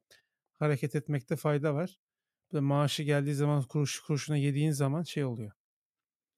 Böyle işten çıkartmalarda çok ciddi, eee, duygu dalgalanmaları yaşıyorsun içeride ve, eee, panik hâline geliyorsun. Bir de tabii H-1B ile çalışanlar falan da var. Onlar için çok daha zor. Çünkü onların 3 hafta içinde mi ne iş bulmaları gerekiyor ki Aynen. Bir bir bir imkânsız ay. gibi bir şey ya. 1 ay mı Aynen. neyse işte. Eee, Amerika'da yasalar bu şekilde. E, 1 ay içerisinde Amerika'da böyle yine aynı seviyede bir şirkette iş bulmak Çok çok zor. zor. Eee Bayağı hayat standartın değişiyor. Bir Hani bulsan bile hani daha ufak bir şirkete gireceksin. Daha az bir maaşı kabul edeceksin ya da ülkeyi terk edeceksin. Çok kötü. Şeyi de bilmiyorum işsizlik maaşı vs. konusunu. Ben geçen, eee, bu muhabbet açılınca arkadaşla baktık. Almanya'da, eee, belli bir limiti var ama, işte, maaşının son 12 ayda kazandığın maaşın %60'ını alıyorsun. Atıyorum, eee, ne bileyim, işte, €80.000 kazanıyorsan, işte, iki 2.300 mü €2.400 sana devlet veriyor 1 yıl boyunca. Eee, yani bu mesela muazzam bir şey. İşte, bazıları eleştiriyorlar, yani, Almanya'yı falan, çok fazla vergi veriyor falan işte, hani, nedeni bu. Hı Yani, hı. o duruma düşme diye. Sen o paniği yaşama. Hayat kaliten bir anda sıfıra inmesin. Hani, eee, bir sonraki işini tercih edecekken mesela, hani, böyle bir şey olsa sen dersin ki ya hem hemen ilk gelen teklifi kabul etmeyeyim. Niye? Çünkü zamanım var 1 yıl boyunca. Eee, en azından geçinebilirim, kiramı ödeyebilirim, eve yemek girer. Tamam, belki yeni bir şey alamam ama, hani, €2.500'yla çok rahat hayatını geçirirsin, yani, Almanya'da. Hı hı. Eee, o o zaman da ne oluyor? Daha uzun bir süre iş arayışına girebiliyorsun. O zaman da daha iyi bir şirket Hı hı. seçebiliyorsun.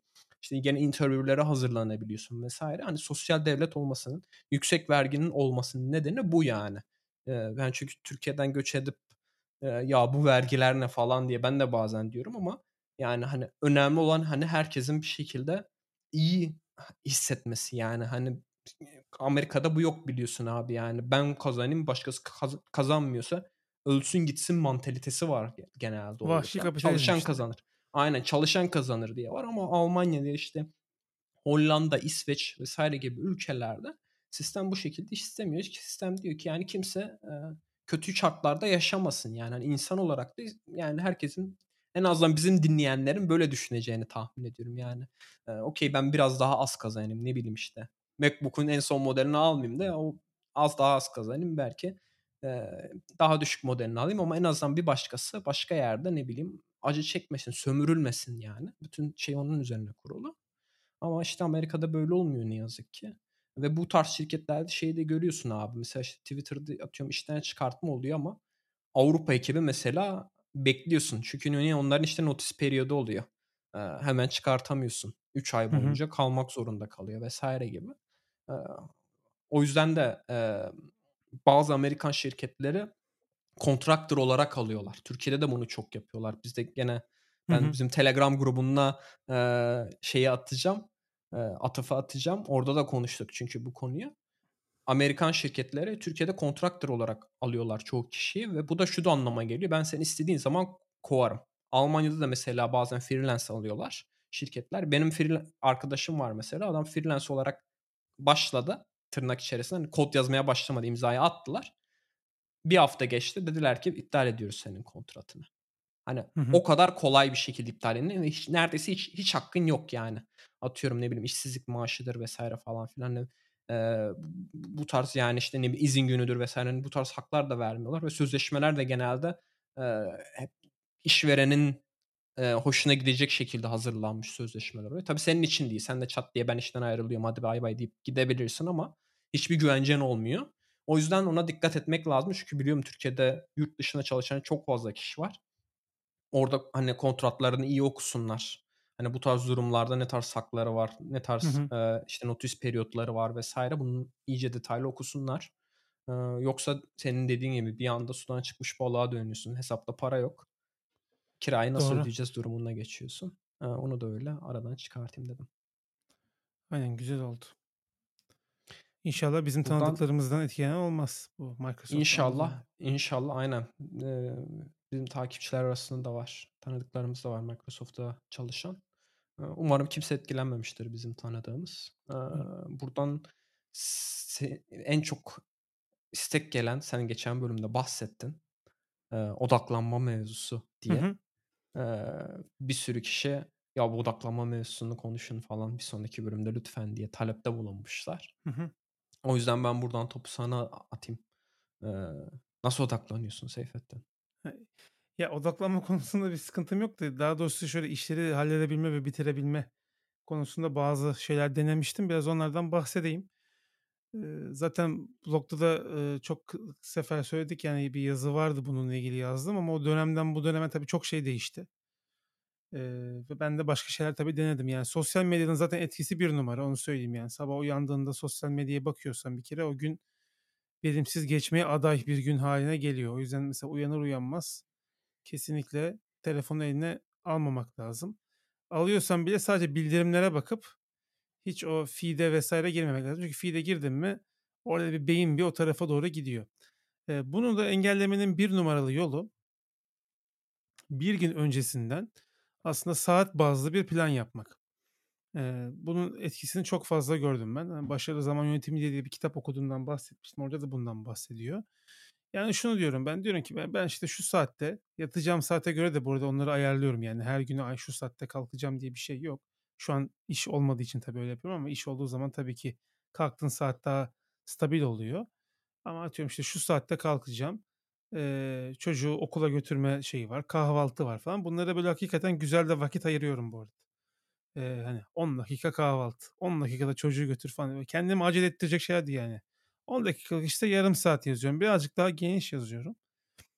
Ve daha sonra mesela işte çalışma blokları koyuyorum. Bunlar işte Hyper Focus diye de bir kitap vardı. Ondan da biraz aldım. Yani Hyper Focus session'ları diyorum ki mesela saat 11'den saat 1.30'a kadar fokus bir çalışma alanı. Eee, o şeyi yapıyorum. Bu planı yaptıktan sonra bu burada kabaca plan. Eee, bir gün önceden bu planı yapıyorum. Ertesi gün kalktığımda eee, işin başına oturmadan önce planı revize ediyorum. Çünkü o gün çıkan şeyler oluyor mesela. Birisi bir yere çağırıyor. Gitmem gerekiyor. Eee, bir akrabalarla ilgili bir şey oluyor. Yani beklenmedik şeyler çıkabiliyor. O yüzden gün içerisinde o planı revize etmek güzel oluyor. Mesela bak bu saate diyorum hanım mesela diyor ki bilmem ne gidip al- alınacak. O güne kadar benim haberim yok mesela. Gidip alacağım. Onu mesela bir saate koyuyorsam ona göre planı tekrardan modifiye ediyorum. Eee, kendimi çok sıkıştırmayacak bir plan yapmam çok önemli. Çünkü bazen şey yapıyoruz biz bu planı yaparken olabildiğince fazla şey sıkıştırmaya çalışıyoruz. Çalışma Hı. alanı. O ııı, doğru olmuyor. Bu sefer ne yapıyorsun? Ya bunu da esneteyim, şunu da esneteyim. Çok esnetemeyeceğim bir plan. Yani bir iki, iki, iki buçuk saatlik bir fokus alanı.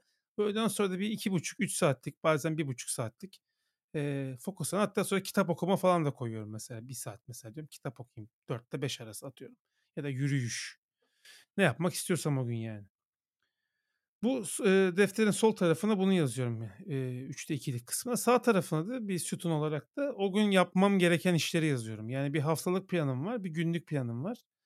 O hafta mesela bunları bunları bitirmem lazım. İşte şu videoları çekip yayınlamam lazım YouTube kanalımda gibi gibi maddeler. Mail atılacaksa mail atılacak. İşte şurada iş görüşmesi var. Burada bilmem neye başvuracağım. Neyse işte. Onların hepsini madde olarak yazıyorum. O yapılacak şeylerin maddesinin zaten olması insana müthiş bir ferahlık veriyor. Çünkü bir solda eee, o maddeleri yapabileceğin zaman dilimlerini görüyorsun. Sağ tarafta da yapacağın işleri görüyorsun. Ve beyin bir anda o yapacağın işleri yazarken zaten o iş, işi proses etmeye başlıyor. Diyorsun ki mesela bak burada bunu kodu ekleyeceğim. Bunu bu şekilde yaparım diye beyin düşünüyor zaten onu o tarafta. Ve e, nasıl başlayacağını da iyi biliyorsun. Şimdi bir gün önceden planı yapınca sabah kalktığında o zaman sosyal medyada çok işin olmuyor. Çünkü senin o saat arasında yapacağın iş belli oluyor. Ha, sosyal medyaya da bu arada ayetten saat ayırıyorum. Bunu da bilgisayar yazılımıyla işte Freedom diye bir yazılım var. Normalde benim saat 10 ile 11 arasıydı akşam. Ama 10 ile 11 arası ya benim oyun oynadığım saat oluyor ya da çocuğu uyuttuğum saat oluyor. O saatte ben verimli kullanamadığımı fark ettim. Hemen onu 5 ile 6 arasına çektim. Benim olan saat 5'te 5'te çıkıyor okuldan. Eee, onu almaya gittiğinde onu mesela kapıda bekliyorum onu hazırlıyorlar vesaire. Hani o arada falan böyle baktım bir şeyler postladım falan saat oluyor genelde. 5 ile 6 arası. Eee, o saate çektim. O saat mesela free yani. 5 ile 6 arasında iş falan koymuyorum. Bir saatte istediğin kadar takıl, serbest takıl. Çünkü ona da ihtiyaç var. Ona da ihtiyaç var. Eee, tamamen yasaklamak doğru bir şey değil. Çünkü öteki türlü de eee, şey oluyor. İştah oluyor. Tekrardan aşeriyorsun yani. Diyorsun ki bir daha gireyim de şu, şu bakayım. Aklında Tw- kalıyor abi başka iş yaparken. Tweet Hani atmıştım ne da bakayım kaç like gelmiş. Bu insani bir şey bu arada. Bunu önüne geçemezsiniz. Eee, bu beğenilme dürtüsü var yani. Eee, bu şekilde aslında böyle günü saatlere bölerek ama çok sıkı saatlere bölmeden eee, bir şey yaptım yani eee, plan yaptım ama onu tabii her gün revize etmek ve bir gün öncesinden bir gün sonrasını ya- yapmak o bir disiplin işi. Onu sürekli bir rutin haline getirmek lazım. E, orada mesela bazen böyle kaçan günler oluyor benim de hafta içerisinde. Mesela kaçırdığım günler hakikaten çok verimsiz geçiyor. O Hı. gün ne yapacağımı bilmiyorum. Mesela kendimi bir anda ne bileyim bir dizi mizi açmış onu seyrederken falan bulabiliyorum. Eee, onu bir şey yapmak lazım hani, eee, o disiplini oturtturmak lazım. Çoğunlukla oturtabildim diyebilirim. O benim mesela odaklanmama çok imkan tanıyor. Tabii bilgisayarda falan da sosyal medya bloklu olduğu için hakikaten birçoğumuzun eli mesela proje derlenirken falan, eee, Twitter'a falan Bende gidiyordur. çok oluyor. Aynen. Hemen bir gireyim browser'dan Twitter yazayım falan. Eee, o işte Freedom dediğim uygulama bunun başka alternatifleri de var bu arada. Hani, eee, internet seviyesinde blokluyor Twitter'ın adreslerini, YouTube'u blokluyor vs. Eee, o zaman da şey ha tamam ben giremiyordum buraya diye hatırlayıp tekrardan geri dönüyorsun. Bir zaman sonra artık o şey kalkıyor. Ha, bu arada yapacağın iş zaten ilgi çekici ve şeyse yani yapman gereken ve nasıl yapacağını bildiğin bir işse sen bununla ilgili bir kitap sormuştun bana geçen Flow diye. Aynen. Eee, Mihaly Csikszentmihalyi'nin. Aaa, o mesela o da mesela yani insanların flow state'e gelebilmesi için yaptıkları işin çok kolay bir iş olmaması ama çok zor da bir iş olmaması ama challenging yani. Yani böyle elin alışmış kadar kolay değil ama birazcık daha böyle kafanı yorman gereken tipte işlerde insanlar daha iyi flow'a giriyorlar diye bir şey var. O yüzden de mesela yapılacak işleri daha küçük maddelere ve yapılabilecek kesimlere bölerek onun üstesinden gelmek biraz mümkün. Hı hı. Hı hı. Ya, şey konusunda kesinlikle katılıyorum abi. Yapacağın işi bir gün önceden yapmak, planlamak e inanılmaz kafa dinginliği yaratıyor. O gün içinde yani o akşam, "A, ben artık rahat rahat uyurum. Ne yarın ne yapacağımı Hımm. biliyorum." Oluyor. çok Sabah kalktığında rahatlık. da gene, eee, düşünüyorsun. Ya, ben biliyorum zaten ne yapacağımı. Eee, çat çat oturup direkt masa başına yapıyorsun. Ben de işte daha önce de demiştim Focus özelliğini kullanıyorum hani iPhone'un. Hiçbir şekilde yani telefon masanın üstünde dursa bile çünkü ben mobil uygulama geliştirdiğim için telefonu sürekli kullanabil olmam gerekiyor. Biz, eee, Hı hı. eee, bir özellik geliştirince PR'dan bir tane kod oluşturuyoruz. O kodu ben direkt telefondaki uygulamaya girip, eee, ilgili, eee, pull request'te yaptığım değişiklikleri hemen test edebiliyorum cihazda. Böyle hiç cihaza, bilgisayara falan bağlamadan. Çok pratik bir yöntem. Eee, ve biz her pull request'i merge'lemeden önce cihazda test etmemiz gerekiyor. O yüzden hani telefon sürekli elimin altında ama orada işte ufak ayarlamalar yapınca Focus Mode'da işte atıyorum, eee, herhangi bir mesaj gelirse ek ekranın ışığını açma mesela. Çok inanılmaz böyle dikkat dağınıklığının önüne geçiyor. Sen çünkü bazen şey diyorsun ya işte hadi zaten bende hiçbir şekilde ses notification sesi diye bir olay yok. Telefon sürekli sessiz modunda. Titremiyor falan da zaten ama işte o ekran bir anda parlayınca hani mesaj gelince bir, "A, ne oldu, kimden gelmiş?" şeyi merakı oluşuyor diye. Oluyor. Orada mesela hani ekran bile şey olmuyor, eee, aktif hâle gelmiyor herhangi bir bildirimde o Focus Mode sırasında. Ben de genelde, eee, Focus Mode'u deaktif ettiğim kısımda öğle arası oluyor. Öğle arası işte, eee, yemeği hazırlarken falan bakıyorum bir yandan. İşte hı. orada o sırada bazen işte podcast dinliyorum. Eee, daha sonra da işte 5-6 gibi gene senlere benzer saatlerde artık çünkü hani beynin yorulmuş bütün işten dolayı. O sırada da bakıyorum, eee, ne ne var ne yok diye Twitter'a. Emm, bende de bu şekilde aslında, eee, odaklanmayı sağlıyorum. Bir de dediğin gibi yani işi ilginç kılmak bence en zor şey. Evet. ben yani, eee, iş sıkıcılaştıkça ya da ne bileyim basit bir iş yapıyorsan, eee, sürekli tekrar eden bir iş yapıyorsan hâliyle, eee, o ilginçliği farklı yerlerde aramaya başlıyorsun. Dur bari sos belki sosyal medyada ilginç bir şey vardır, eee, diye düşünüyorsun ve oraya gidiyor aklın. O yüzden şeyi çok seviyorum ben yani çok fazla işim olmasını çok hoşuma gidiyor benim. Çünkü o zaman hiçbir şekilde başka hiçbir şeyi düşünmüyorsun. Sadece o işine odaklanabiliyorsun. Benim bazen yani sabah başlıyorum, yemeği yiyorum, ondan sonra şey yapıyorum, böyle arada hiç, eee, ara vermeme bile gerek kalmıyor. Çünkü hı. o kadar hani odaklı oluyorum ama bazı günler oluyor yani. Eee, işte tam ne yapacağımız belli olmuyor. Çünkü projeden projeye geçiş sürecinde hani orada bir planlama vs. falan olması gerekiyor. Hı hı. O arada işte tam olarak hani belli olmuyor. Yani işte atıyorum birkaç iş yapılması gerekiyor ama işte hani hangisini yapsam hani onlarla zaman harcıyorsun falan böyle. Eee, o yüzden yani, şeyde bile yani aslında şirketinizde ya da işte takım liderinizle bazen onu konuşmak gerekiyor ya. Bakın işte benim işim bazen çok kolay oluyor. Bu beni daha böyle challenge, beni zorlayacak işler bana paslayın ya da işte atıyorum, eee, senior falan olmak istiyorsanız hani ona göre şeyler, eğitimler vs. veriyorlar. Eee, en azından hani işin sıkıcıysa en azından orada farklı bir şey öğrenerek onu destekleyebiliyorsun falan böyle. Hani bir sürü alternatif yöntem var. Ama işte genelde senin dediğin gibi oluyor. Sosyal medyadan uzak durmak. Şimdi de bende mesela işte Slack'ten uzak durmak, ya da işte Facebook Workplace'ten bizim şirket kullanmaya başladı. Oradan uzak durmak ona beni bakacağım bir inanılmaz saat ayıra ayarlaman lazım. Ben şu Aynen. saatle şu Ya saat arasında bakacağım. Aynen. Ya, bizde genelde artık şey oluyor, yani, çoğu kişi, senin dediğin yöntemi uyguluyor. Ka takvimine gidiyorlar. Fokus saati diye, ka takvimlerine şey ekliyorlar. Hem kimse oraya toplantı uygulamı ekleyemiyor hem de, eee, oradaki toplantı durumları Slack status'larına geçtiği için Hı hı. orada görüyorsun. Adam diyor ki "Focus modda." Kimse hem sana mesaj da atmıyor senin focus modda olduğun için. Hı hı. Zaten, şeyi sessiz hâle getirmiş oluyorsun bildirimleri. Bu Evet. tarz şeyleri kullanmak önemli ama günün sonunda eğer, ne bileyim, senin bir takım liderin varsa, "Ya, Mert ben sana mesaj yaptım, niye bana cevap dönmedin? Ben sana WhatsApp'tan yazdım, niye cevap dönmedin?" tarzı bir takım liderin varsa, yani, bizim burada söylediklerimizin hiçbir anlamı yok Tabii. açıkçası. Yani, eee, onu da o şekilde ayarlamak lazım. Yani, Tabii. hani, çalışacağın şirketin Beklenmedik şeyler için tekrardan revize etmekte fayda var ama zaten sürekli işten, böyle, bu şekilde bir, şey geliyorsa, yönlendirme geliyorsa da o zaman işi bir değerlendirmekte fayda var. Eee, bu küçük ve, hani, özellikle ilgini çekmeyecek işlerde de ben şöyle bir şey yapıyorum. Gruplama diye bir şey yapıyorum. Hımm. Mesela atıyorum, işte, 2,5 saatlik hyper focus sürem mi var? 11'de başlayacak mıyım? O küçük maddeleri bilmem kime mail atacak, arabanın sigortası ödenecek, işte, vergi ödenecek. Neyse bunlar burada Türkiye'de çok, hani, 2 dakikada yapabildiğin şeyler. 2 dakikadan kısa işler genellikle. 5 dakika sürsün en fazla. Onları böyle kalem kalem diyorum ki şu 25 dakikada bu 5 maddeyi yapacağım. Başlıyorsun 1'inci, 2'nci yani o, eee, sınırlı zamanı verdiğin zaman, o kısıtlamayı getirdiğin zaman o işleri hemen aradan çıkartabiliyorsun ama bugün bunu yapacağım dersen abi o sürekli erteleniyor. Ona böyle beyninde ona bir alan ayırman lazım. Yani şu y Hı 20 hı. dakikada ben bunu yapacağım ve o maddeleri sen kapattıkça zaten o maddeler senin günlük yapacağın işlerin %70'ini oluşturuyor.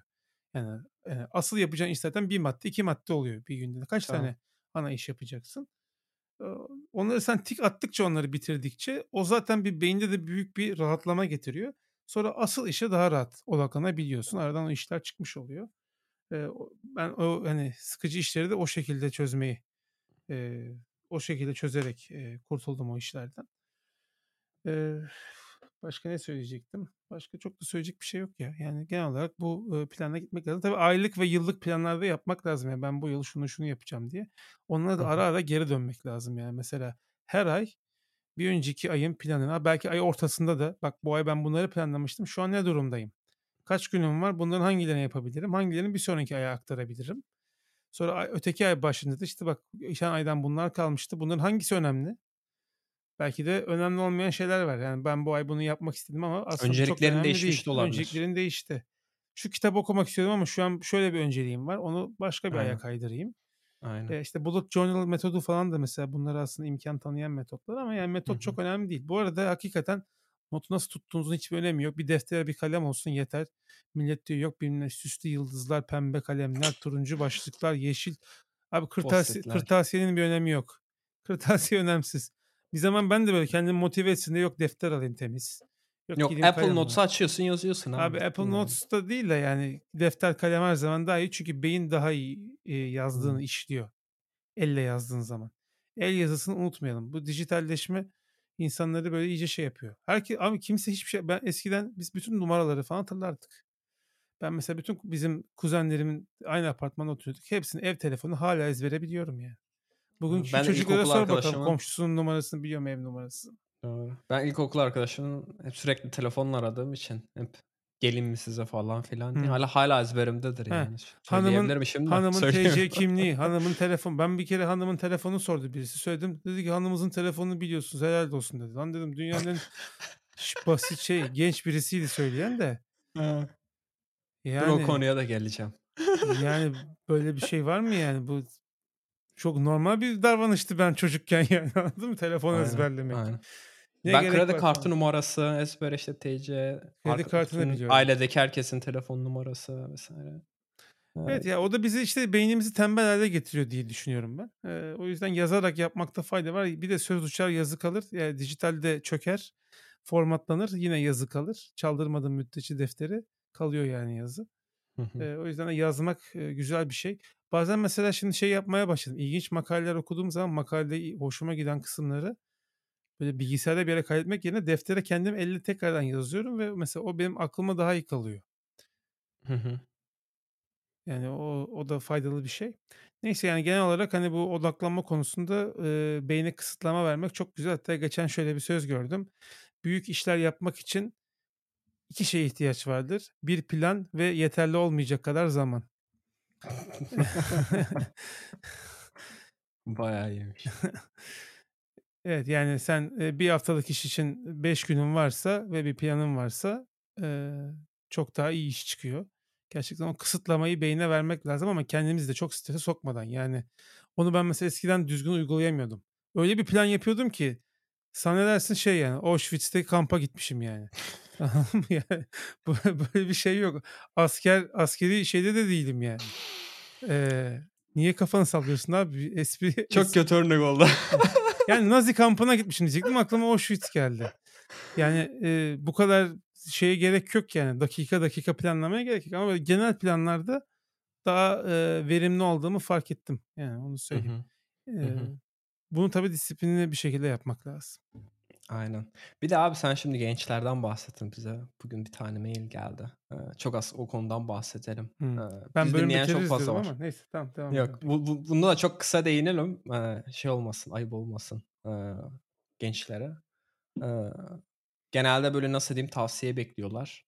Ee, bizim işte podcastlerde işte. Ne, ne tarz tavsiyeler bekliyor açıkçası tam olarak emin Bunu değilim. yani. yazmamışlar Hani evet. Aynen. O, o biraz böyle kafa karışıklığı, karışıklığı yarattı. Ama bilgisayar e, mühendisliği falan okuyan gençler genelde bizi dinliyorlar. Hani belki o alanda tavsiye bekleyenler olabilir. Geçenlerde Ahmet e, Çişar yazmış sanırım. Türkiye'de böyle iki şeyi çok şey yapıyorlar. Bir umut satmaya çalışanlar var.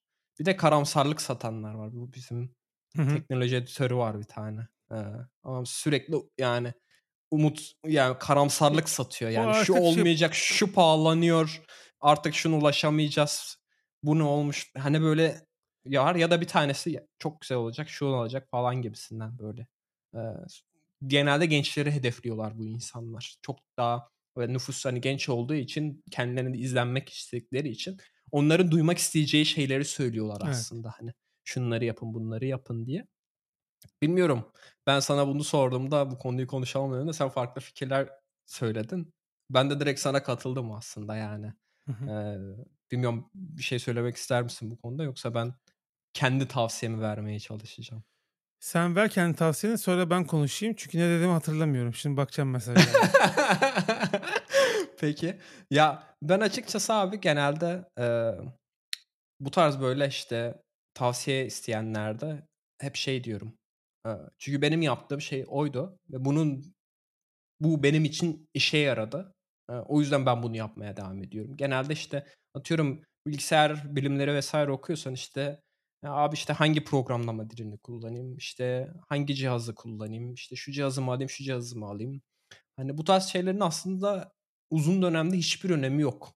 Yani ben onu size söyleyeyim. Yani eee, bazıları işte sürekli size işte Java öğrenin diye bir şeyler satmaya çalışıyorlar. Bazı işte şunu öğrenin diye bir şeyler satıyor. Bunların hiç ama hiç önemi yok uzun dönemde. Benim için bence en önemli şey abi ben hep genelde bu tavsiyeyi veriyorum. Hangi neyi yapmaktan zevk alıyorsan onu yapın. Yani ben bu hayatımın hani bu aşamasına kadar Hı. hep zevk aldığım şeyleri yaptım. Çoğunu mesela hani toplum muhtemelen e, hiç olumlu karşılamayacak şeylerdir ya da hı. toplumun beklentilerini cevaplamayacakları şeylerdir. İşte okuduğum bö- bölüm mesela yani aslında şey olarak çok kötü bir bölüm yani sıralamaya falan bakarsan. Belki bir başkası atıyorum bir yıl daha geçirip hani hazırlanıp sınava girerdi ama benim hani zevk aldığım bir bölüm olduğu için ben hani hiç umursamadım. Aldım puanı da işte bölüm şey yaptığım gibi seç, seçme konusunda daha iyisi var mı? Kesinlikle var da. Ama orada da mesela benim önceliğim neydi? Ben bir an önce okulumu bitireyim çünkü okulun bana zaten bir şey katacağını hiç düşünmüyorum. Ama tabii bu sırada da ben kendimi geliştiriyorum. Bir an önce iş hayatına atılayım çünkü asıl öğreneceğim şey iş hayatında olacak. Hangi mesleği yaparsanız yapın. Eee, bu fark etmiyor. O yüzden ben her zaman diyorum yani hani illa bir tavsiye istiyorlarsa ben diyorum. Neyi önce şeyi hani anlamaya çalışın. Hayat neyi yapmaktan keyif alıyorsunuz? Ben hani bilgisayarla zaman geçirmekten keyif aldığım için bu mesleği tercih ettim. Hani şey değil ben programlamaya ilgi duyuyordum falan gibi bir şey değil. Yani ben üniversiteye kadar programlama bilmiyordum. Hani HTML, CSS vesaire biliyordum ama programlama adına hiçbir bilgim yoktu. Ama hep bir böyle yani merakım vardı. İşte bilgisayarla bir şeyler yapmak konusunda. O yüzden de ben hep bunu tavsiye ediyorum. Yani önce neden keyif al ne neyi yapmaktan keyif alıyorsunuz? Onu bulun. Daha sonra da onu yapmaya çal çalışın. Yani, işte, bu para getiriyor mu? Bu şu yapıyor mu? İşte, ne bileyim, e evleneceğim kızın babası bana kız verir mi bu meslek falan bu tarz şeylerin hiç ama hiç önemi yok. Gerçekten yok. Hani, kısa dönemde önemi olabilir ama uzun döneme yaydığınızda açıkçası ben bunların hiç önemli olduğunu düşünmüyorum. O yüzden hep de aynı tavsiyeyi veriyorum. Neden keyif alıyorsanız onu yapın. Hani, hep burada da şeyin kitabı aklıma geliyor. Linus Torvalds'ın bu Git'i yaratan, Linux'u, yaratan abimizin Just for Fun diye bir tane kitabı var. Hani, o kişi bile, hani, ya da, işte, ne bileyim Apple'ı kuranlar, bu büyük işleri ortaya çıkaranlar aslında bence de, eee, benim fikrime göre sadece o işleri keyif aldıkları için yapıyorlar. Birilerinin tavsiyesi den dolayı değil. Buradan da topu sana atayım. Benim düşüncelerim birazcık daha ben daha farklı bir perspektiften bakacağım. Eee, ya 2 tip insan vardır diyeceğim. Eee, insanları kategoriye ayıranlar ve ayırmayanlar diye şey yapıyorlar ya, açıklıyorlar bunu. Şimdi 2 tip insan var. Ben, eee, bu çok soru geldiği için bu konuyla ilgili biraz konuyla ilgili düşünme fırsatım da oldu. Eee, 1'inci tip, her şeyi planlayan insan tipi.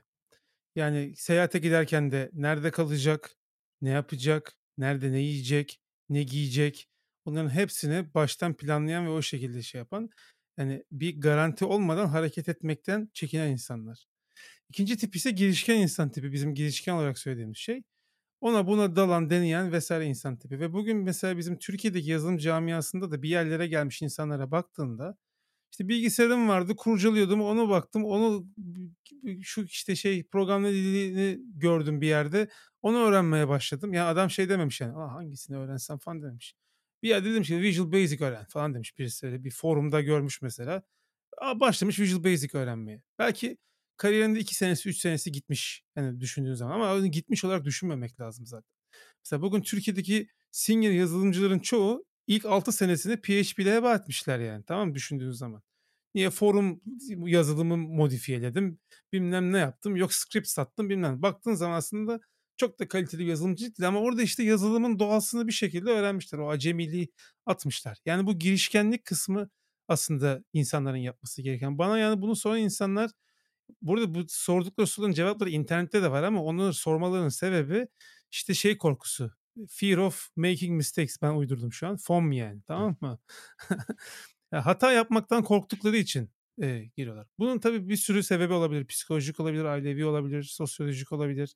Çok fazla sebebi olabilir ama eee, özellikle hata yapmaktan korkmayın yani. Bu meslek biraz da dediğim gibi zanaat olduğu için. Ya, sen giriş, ya Swift mi öğrensem? Ya varsa Mac'in, al indir Xcode'u yazmaya çalış bir şeyler.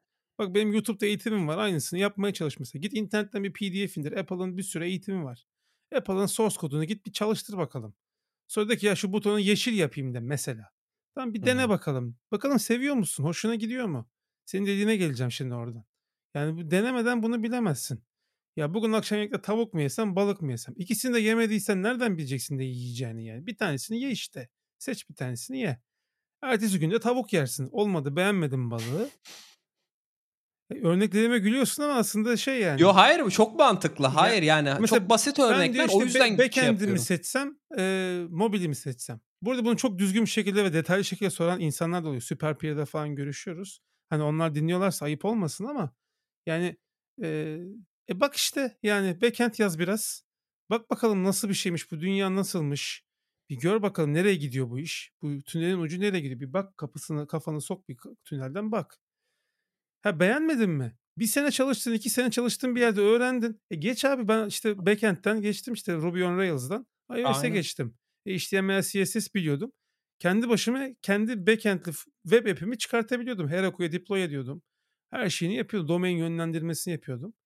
2 senelik emek yani. Her şeyi öğrenmişken sıfırdan yani bıraktım ve iOS'e geçtim. Tabii üniversitede öğrenciydim o zaman. Hani onun da garantisi, güveni vs. var.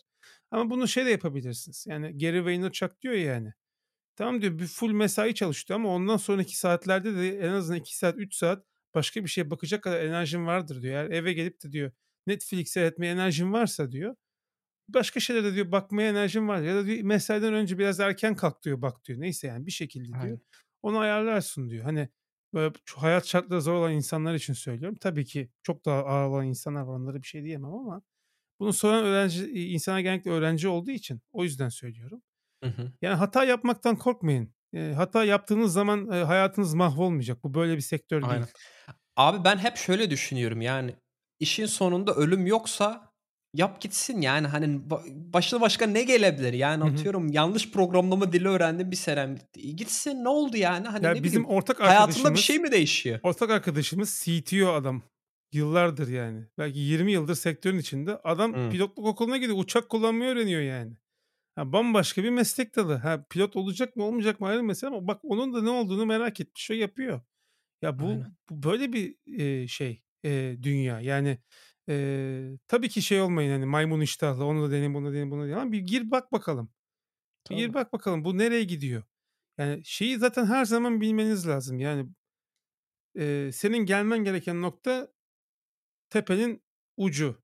Sen şu an eee, tam eteğindesin tepenin. O yolu yürümen gerekiyor yani. Kimse seni kısa yoldan o tepeye taşımayacak. O tepeye taşıdığında da zaten iş bitmiyor. Hı hı. Yani her zaman böyle büyük atletlerin böyle dünya çapında 20 altın madalyası olan atletlerin falan eee, zihinsel motivasyonu buymuş. Adam birinci altın madalya alınca tamam ben artık aldım çıktım tepeye demiyor. Kutluyor o gün. Ertesi gün diyor ki bir sonraki tepe nerede? Bir sonraki olimpiyat Antrenmana ne devam zaman? ediyor adam. Bir sonraki olimpiyat ne zaman? Kendi rekorumu kırabilir miyim? Şu Hı adam benden bak daha iyi, eee, benden daha genç. Onu geçebilir miyim? Hep kendisine yeni bir challenge koyuyor. Siz de o yüzden hayatta hep kendinize yeni challenge koyacaksınız. Yani ben de mesela developer olarak başladım. Developer'lıkta ben seniority'ye ulaştığımı düşünüyorum artık 11-12 sene oldu zaten. Ama şu an mesela daha çok product işi yapıyorum. Eee, muhtemelen bundan sonraki işim de yine product işi olacak. Ürünle hı. uğraşacağım. E bu benim için yeni bir challenge yani. Eee, Aynen. baktığınız zaman. Eee Aynen bende de mesela challenge'lar inanılmaz motivasyon kaynağı oluyor biliyor musun? Ben de mesela backend olarak başladım. Daha sonra işte React yazmaya başladım. Frontend geliştirdim. Şimdi React Native yazıyorum. Ya bunlar benim hiç planladığım şeyler değildi biliyor musun? Yani ben mesela işte Ruby'yi sadece oradaki insanlarla tanışayım diye, staj yaptığım insanlarla hani o insanlarla aynı ortamda bulunayım diye tercih ettim. Ruby güzel şundan bundan dolayı değil. Aynı şekilde React'ta da sadece dedim ki ya ben böyle bir eee, experiment yapacağız. Bizim frontendçi yok. Ben onun sonucunu görmek istiyorum hemen. Onu beklemek istemiyorum dedim. React öğrendim.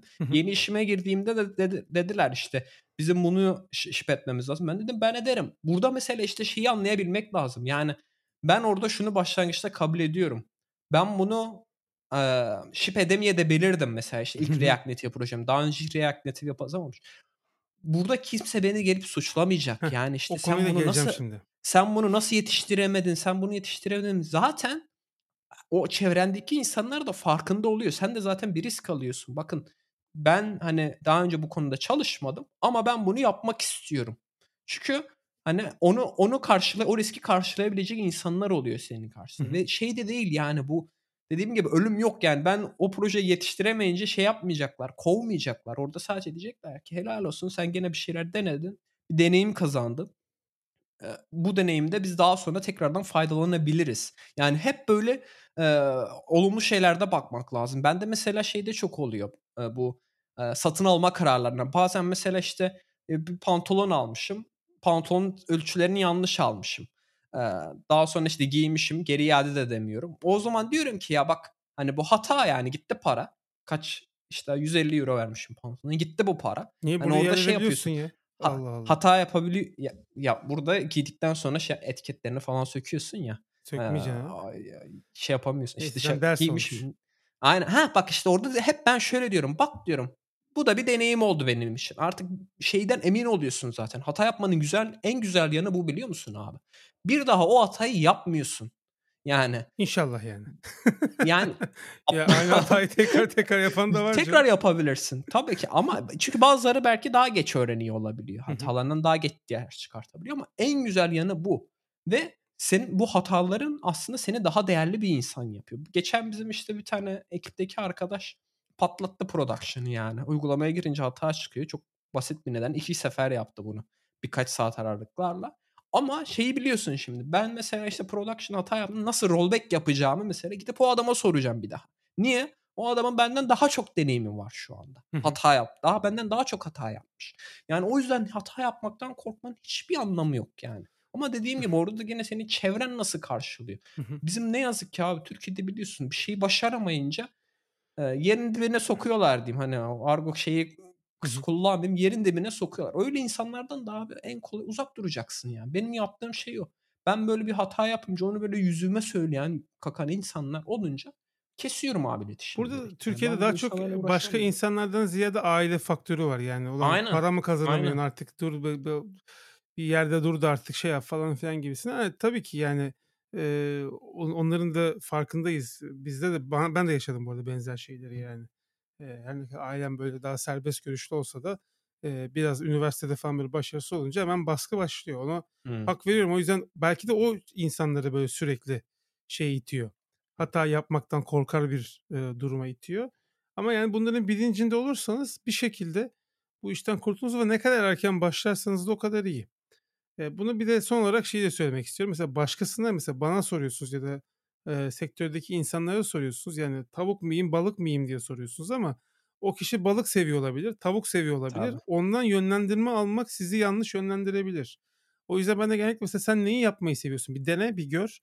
Hem balık ye hem tavuk ye bakalım seç bir tanesini demeye getirmek zorunda kalıyorum. Türkiye'de insana çok kolay tavsiye veriyorlar birbirlerinin hayatlarıyla Aynen. Eee, mesela yurt dışında tam tersi çok çekinirler. Sorarsın söylemez. Arkadaşım mesela, "Abi ne yapayım bu durumda?" falan diyorsun. Bizde mesela şey, "Boşan oğlum ne olacak?" falan, "Sana kız mı yok?" He. falan diyor herif. Oğlum herifin hayatı mahvolacak lan. Belki çocuğu var bilmem nesi var. Adama boşan diyorsun. Kafasına giriyorsun. Manyak mısın abi? Böyle şey mi olur yani? Orada da hiçbir şey söylemiyor mesela. Adam çok toksik ilişkide. Ya Hıı. kızdan ayrıl demiyor kimse yani. Ulan mesela böyle de bir şey yok ya da oğlandan ayrıl demiyor. Yani, eee, bu ikisinin ortası olması lazım ama bir böyle, eee, bu şekilde bir, eee, orta yol bulunur. Yani sorarken de o yüzden kime sorduğunuza dikkat edin ve onun yorumlarının da, eee, taraflı olabileceğini düşünün. Yani sen gidip de Tabii. PHP'ci bir adama PHP mi Python mu dersen adam PHP der. Çünkü adam hayatını ona adamış. Yatırımı oraya yapmış yani. Tabii. Tabii. Ha tabii şey de diyebilir. "A, lanet olsun PHP'ye git Python'u seç." de diyebilir ama o da yanlış işte. Ben çektim Belki sen sen PHP'yi seveceksin. Ya örnekler biraz garip oldu ama yani hani, Yo, eee, yo, doğru. yani belki Güzel sen. PHP'yi seveceksin. Adam diyecek ki lanet olsun. Belki o hiç sevmedi. Belki sen hı. seveceksin. Benim işte Dream Theater dinlemem oydu yani. Ben Dream Theater tişörtü gördüm bir yerde Kadıköy'de. Onu dedim neymiş bu grup? Çok değişik logosu var. İsmi de Düş Tiyatrosu yani. İnanılmaz bir ismi var falan. Bir arkadaşım vardı metal sordum. Ya dedi onlar dedi sürekli teknik bam bam bam kafan şişer dinleme boş ver dedi. Ben bir sene dinlemedim Dream Theater'ı. Manyağa bak. Sonra dedim ki ulan dedim ben dedim bu hıyara niye dedim şey yapıyorum. Güveniyorum. Hiç dinlemedim ki. Hiç dinlemedim ki hayatımda. Gittim Akmar Pasajı'nda full MP3 CD yapıyorlardı. Dedim Dream Theater full MP3'dan 5 CD mi ne o da hayvan gibi albümleri var heriflerin. Neyse işte MP3 CD'lerini aldım abi. Dinledim. O gün bugündür Dream Theater dinliyorum ben yani. Şimdi ya ben de- denemeden dinlemeden nasıl bilebilirim onu? Başkasının Aynen. yorumuyla olmaz yani o. Aynen. Burada da Bir mesela çok ş inceleme yaptık işte. Dedik ki işte oyun kritikleri oyuna 10 üzerinden 6 veriyor. Millet Game of the Year adayı yapıyor oyunu yani. Çok subjektif işler. Aynen. Bir de abi burada mesela şeyi kaçırıyorlar. Zaman kaybediyorlar. Çünkü mesela ben Ha, bazen asıl zamanı böyle kaybediyorsun. sürekli aynen sürekli yani zamanın büyük bir kısmını ya şunu mu seçeyim bunu mu seçeyim? Bakıyorum başka yazılımcıya sormuş. Öteki gün başka yazılımcıya sormuş.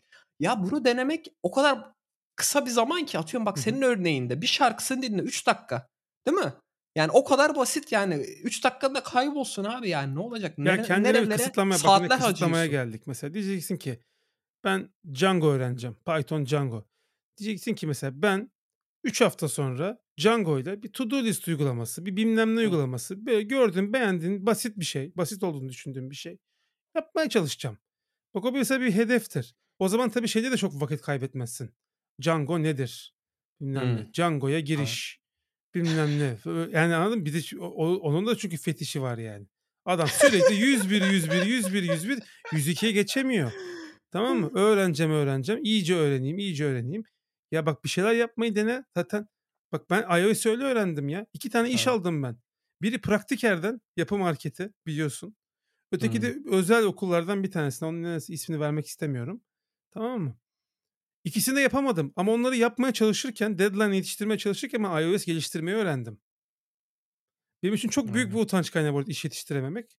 Çünkü backend'ciyken yetiştiriyordum iş. Ama iOS'çi iOS'çi değilim ki ben. Ama öğrendim işte onu yaparken. Bütün Xcode'u, Objective-C'yi en azından süper mantığını bilmesem bile iş çıkartmayı öğrendim orada. Tabii. Ve ondan sonra da zaten altyapıyı üzerine koydum. O yüzden kendinize bir kısıtlama verin. Deyin ki 3 hafta sonra ben böyle bir şey çıkartacağım Django'yla.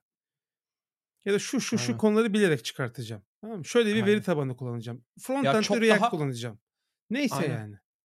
Çok daha basit de abi mesela yani şu programlama dili seçme ya git bir hesap makinesi yap. Çok basit bir şey ya. Değil mi? Git bir yaz. Python'da da yaz, Ruby'de de yaz, C Sharp'ta da yaz. Sonra göreceksin Ruby'de en güzeli. Ruby'yi seçeceksin. Hani O bak yani subjektif tabii.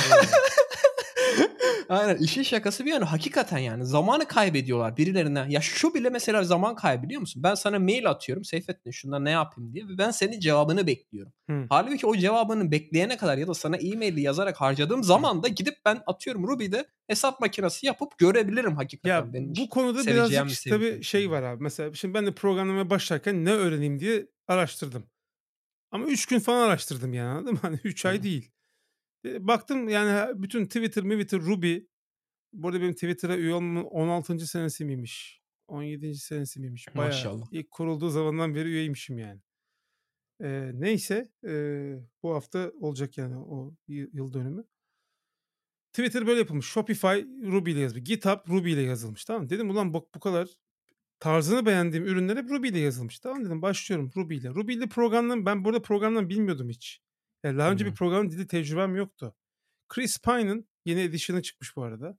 Learn to Program diye bir kitabı var. Programlama öğretiyor ama Ruby ile öğretiyor. Ama yani Ruby öğretmiyor kitap. Programlama öğretiyor. Anladın mı? İkisi arasında fark var. Ama Ruby ile Tabii. öğretiyor çünkü Ruby çok basit. Puts'la get'le başlıyor işte. Ekrana bir şey Aynen. yazıyorsun. Aa diyorsun ya ilginç bir şey. Ekrana bir şey yazdırdım falan. Ben öyle başladım mesela. Hani o, o Ruby seçimini yapana kadar belki bir 2-3 gün harcamışımdır. Ama 3. günden sonra işe koyulacaksın. Ruby Tabii. ile geliştirmeye başlayacaksın. Bakacaksın bakalım o sana göre mi? Tabii erkenden pes etme de yok bu arada onu da söyleyeyim. Bir de o iş- işin bir de o tarafı var. Adam daha bir gün mesela bakmış, iki gün bakmış. Bu bana göre değil diyor. Lan nasıl sana göre? Daha dur bakalım yani. Aynen. Biraz bunun yani özellikle pratikte iş çıkartmayı o yüzden söylüyorum yani. Ben işte şöyle bir proje çıkartacağım. Yani kullanabileceğin annene babana bak ben böyle bir şey yaptım bilgisayarda diye gösterebileceğin bir şey olursa elinde o sana karar verme konusunda o teknolojik kullanmayı karar verme konusunda çok yardımcı olacak bir şey. Ama sen sadece böyle teorik şeyler yazarsan, comment line'da bir Hı. şeyler falan yaparsan e, o çok motive edici bir şey değil. Bence değil Aynen. yani. Aynen. Ya ben mesela üniversitede bir sürü dil Pascal, C++, C Sharp, Java, PHP. Bunların hepsini öğrendim mesela hani. Bir şeyler çıkarttım, bir ödev yaptım vesaire falan yani. Ama gene de git şey demedim ya ben gidip Ruby öğreneyim, şunu yapayım değil. Ben hep dediğim gibi abi işte keyif aldım yani. Ruby yazdım, keyif aldım. Ya dedim ne kadar güzel bir dil yani. Hani e, bayağı İngilizce konuşur gibi yazıyorsun kodu. O çok kolay da anlayabiliyorsun okuduğun zaman. Böyle bazı dillerde işte sürekli başka dosyalar aktarman gerekiyor falan. Öyle seçtim. Ama bazısı mesela şeyi çok seviyor. Ne bileyim JavaScript yazmayı çok seviyor. Yani. Dediğim gibi yani benim hep tercihim neyden keyif alıyorsanız onu yapın. Bu sayede en azından pişman olmuyorsunuz yaptığınız tercih. Diyorsun hı. ki en azından hani tamam ben 5 sene Ruby yazdım ama abi çok keyif aldım o 5 seneden. Belki Ruby artık öldü gitti değil mi yani yarın öbürsü gün kullanılmıyor artık. Şey demiyorum ah ben zamanımı boşa harcadım. Keşke PHP öğrenseydim. PHP Burada Ruby hala var. ölmedi onu söyleyelim de hani dipnot olarak. Aynen Ciddiye yani. Ama işte o şeyi yapmıyorsun. Diyorsun ki ya ben 5 sene Ruby yazdım ama çok da keyif aldım abi. Hani har zamanımı boş harcamadım diyorsun. Genelde de böyle oluyor yani bende. Bir şeyler deniyorken. Hata yapmaktan korkmuyorsun. Gidip İşte atlayıp direkt yapıyorsun ve keyif aldığın şeyi işte yapmaya bütün olay benim iki tip insana tekrardan geri dönüyor. Zaten Ha, girişken aynen. insanlar böyle şeyleri girişerek yapıyorlar. Ee, başlıyor bir yerlerden e, debeleniyor, mebeleniyor bir şekilde öğreniyor ama o debelenirken de yol gösterici insanlar oluyor. Bak mesela yola çıktıktan sonra yol gösterici almak daha mantıklı. Mesela ben iOS'te şunları şunları yaptım ama bundan sonra mesela ne tarafa gideyim? Hangi kaynaklara yöneleyim diye sormak mesela o daha güzel. Yani yola girdikten sonra e, şu kasabaya nasıl gidebilirim sorusunu sormak daha güzel bir şey ama yola girmeden bilemezsin. Yani. Hangi Anlatmaya yola gideyim? çalıştığım Hangi şey şehre gideyim? Yani ben şu an Gibi bir şey. konuşurken dikkatli konuşmaya çalışıyorum. Yanlış yönlendirmemek adına. Aynen. Çünkü insanlar da bunları ciddiye alacaklardır. Olabildiğince böyle farklı e, notlar düşüyorum ki nüansları bilsinler. Çünkü direkt söylediğimiz gibi de yapınca böyle maymun iştahlılığa doğru gidiyor. Hı hı. Eee, onların o, eee, dengesini iyi tutturmak lazım. Yine tavsiye verdirttin bana ama yani, eee, yapacak bir şey yok. Ya, çok soran oluyor bu arada. Haftada 2-3 defa Aynen. bana bir şey so öncelikle zaten bir şey soracağım, sorabilir miyim diye yazıyorlar. Onlara cevap vermiyorsam bilin ki öyle sorduğunuz içindir. Bunu şey olarak da algılamayın yani böyle küstahlık falan olarak algılamayın. Gerçekten ne soracağınızı bilmediğim için ben korkuyorum size ne soracaktın diye sormaya. Belki de çok belki de borç para isteyeceksin nereden bileyim yani. Sokaktaki adam da çünkü bana bir şey sorabilir miyim diye geliyor sonra para istiyor. Ha, aynen. Bana öyle sormayın. Dedim ki bir şey sorabilir miyim yazmanıza bile gerek yok. Seyfettin abi yetse de Seyfettin, Seyfo neyse ne diyorsanız. Şu şu nasıl oluyor bunu nasıl yapabilirim diye sorun yani. Onu da bir Aynen. dipnot olarak söylemek istedim çünkü çok fazla böyle cevaplamadığım şey var. Bir şey sorabilir miyim? Zaten attım mesajı artık sor yani. Düştün yani mesaj kutuma düştün artık yani sor. Neyse eee, böyle yani. Peki o zaman eee, yavaştan bölümü kapatayım ben. Eee, farklı Düşünün 89. bölümünde gene birçok farklı konu hakkında konuştuk. Eee, biz dinlemekten keyif alıyorsanız bize kahve ısmarlayabilirsiniz. Daha sonra da Telegram grubumuza katılıp eee, çok farklı konularda eee, sadece bize değil diğer dinleyenlerle de farklı ülkelerde yaşayan diğer dinleyenlerle de eee, sohbet edebilirsiniz. Bizi Twitter'dan da takip edebilirsiniz. Bir sonraki bölümde görüşmek üzere. Hoşçakalın.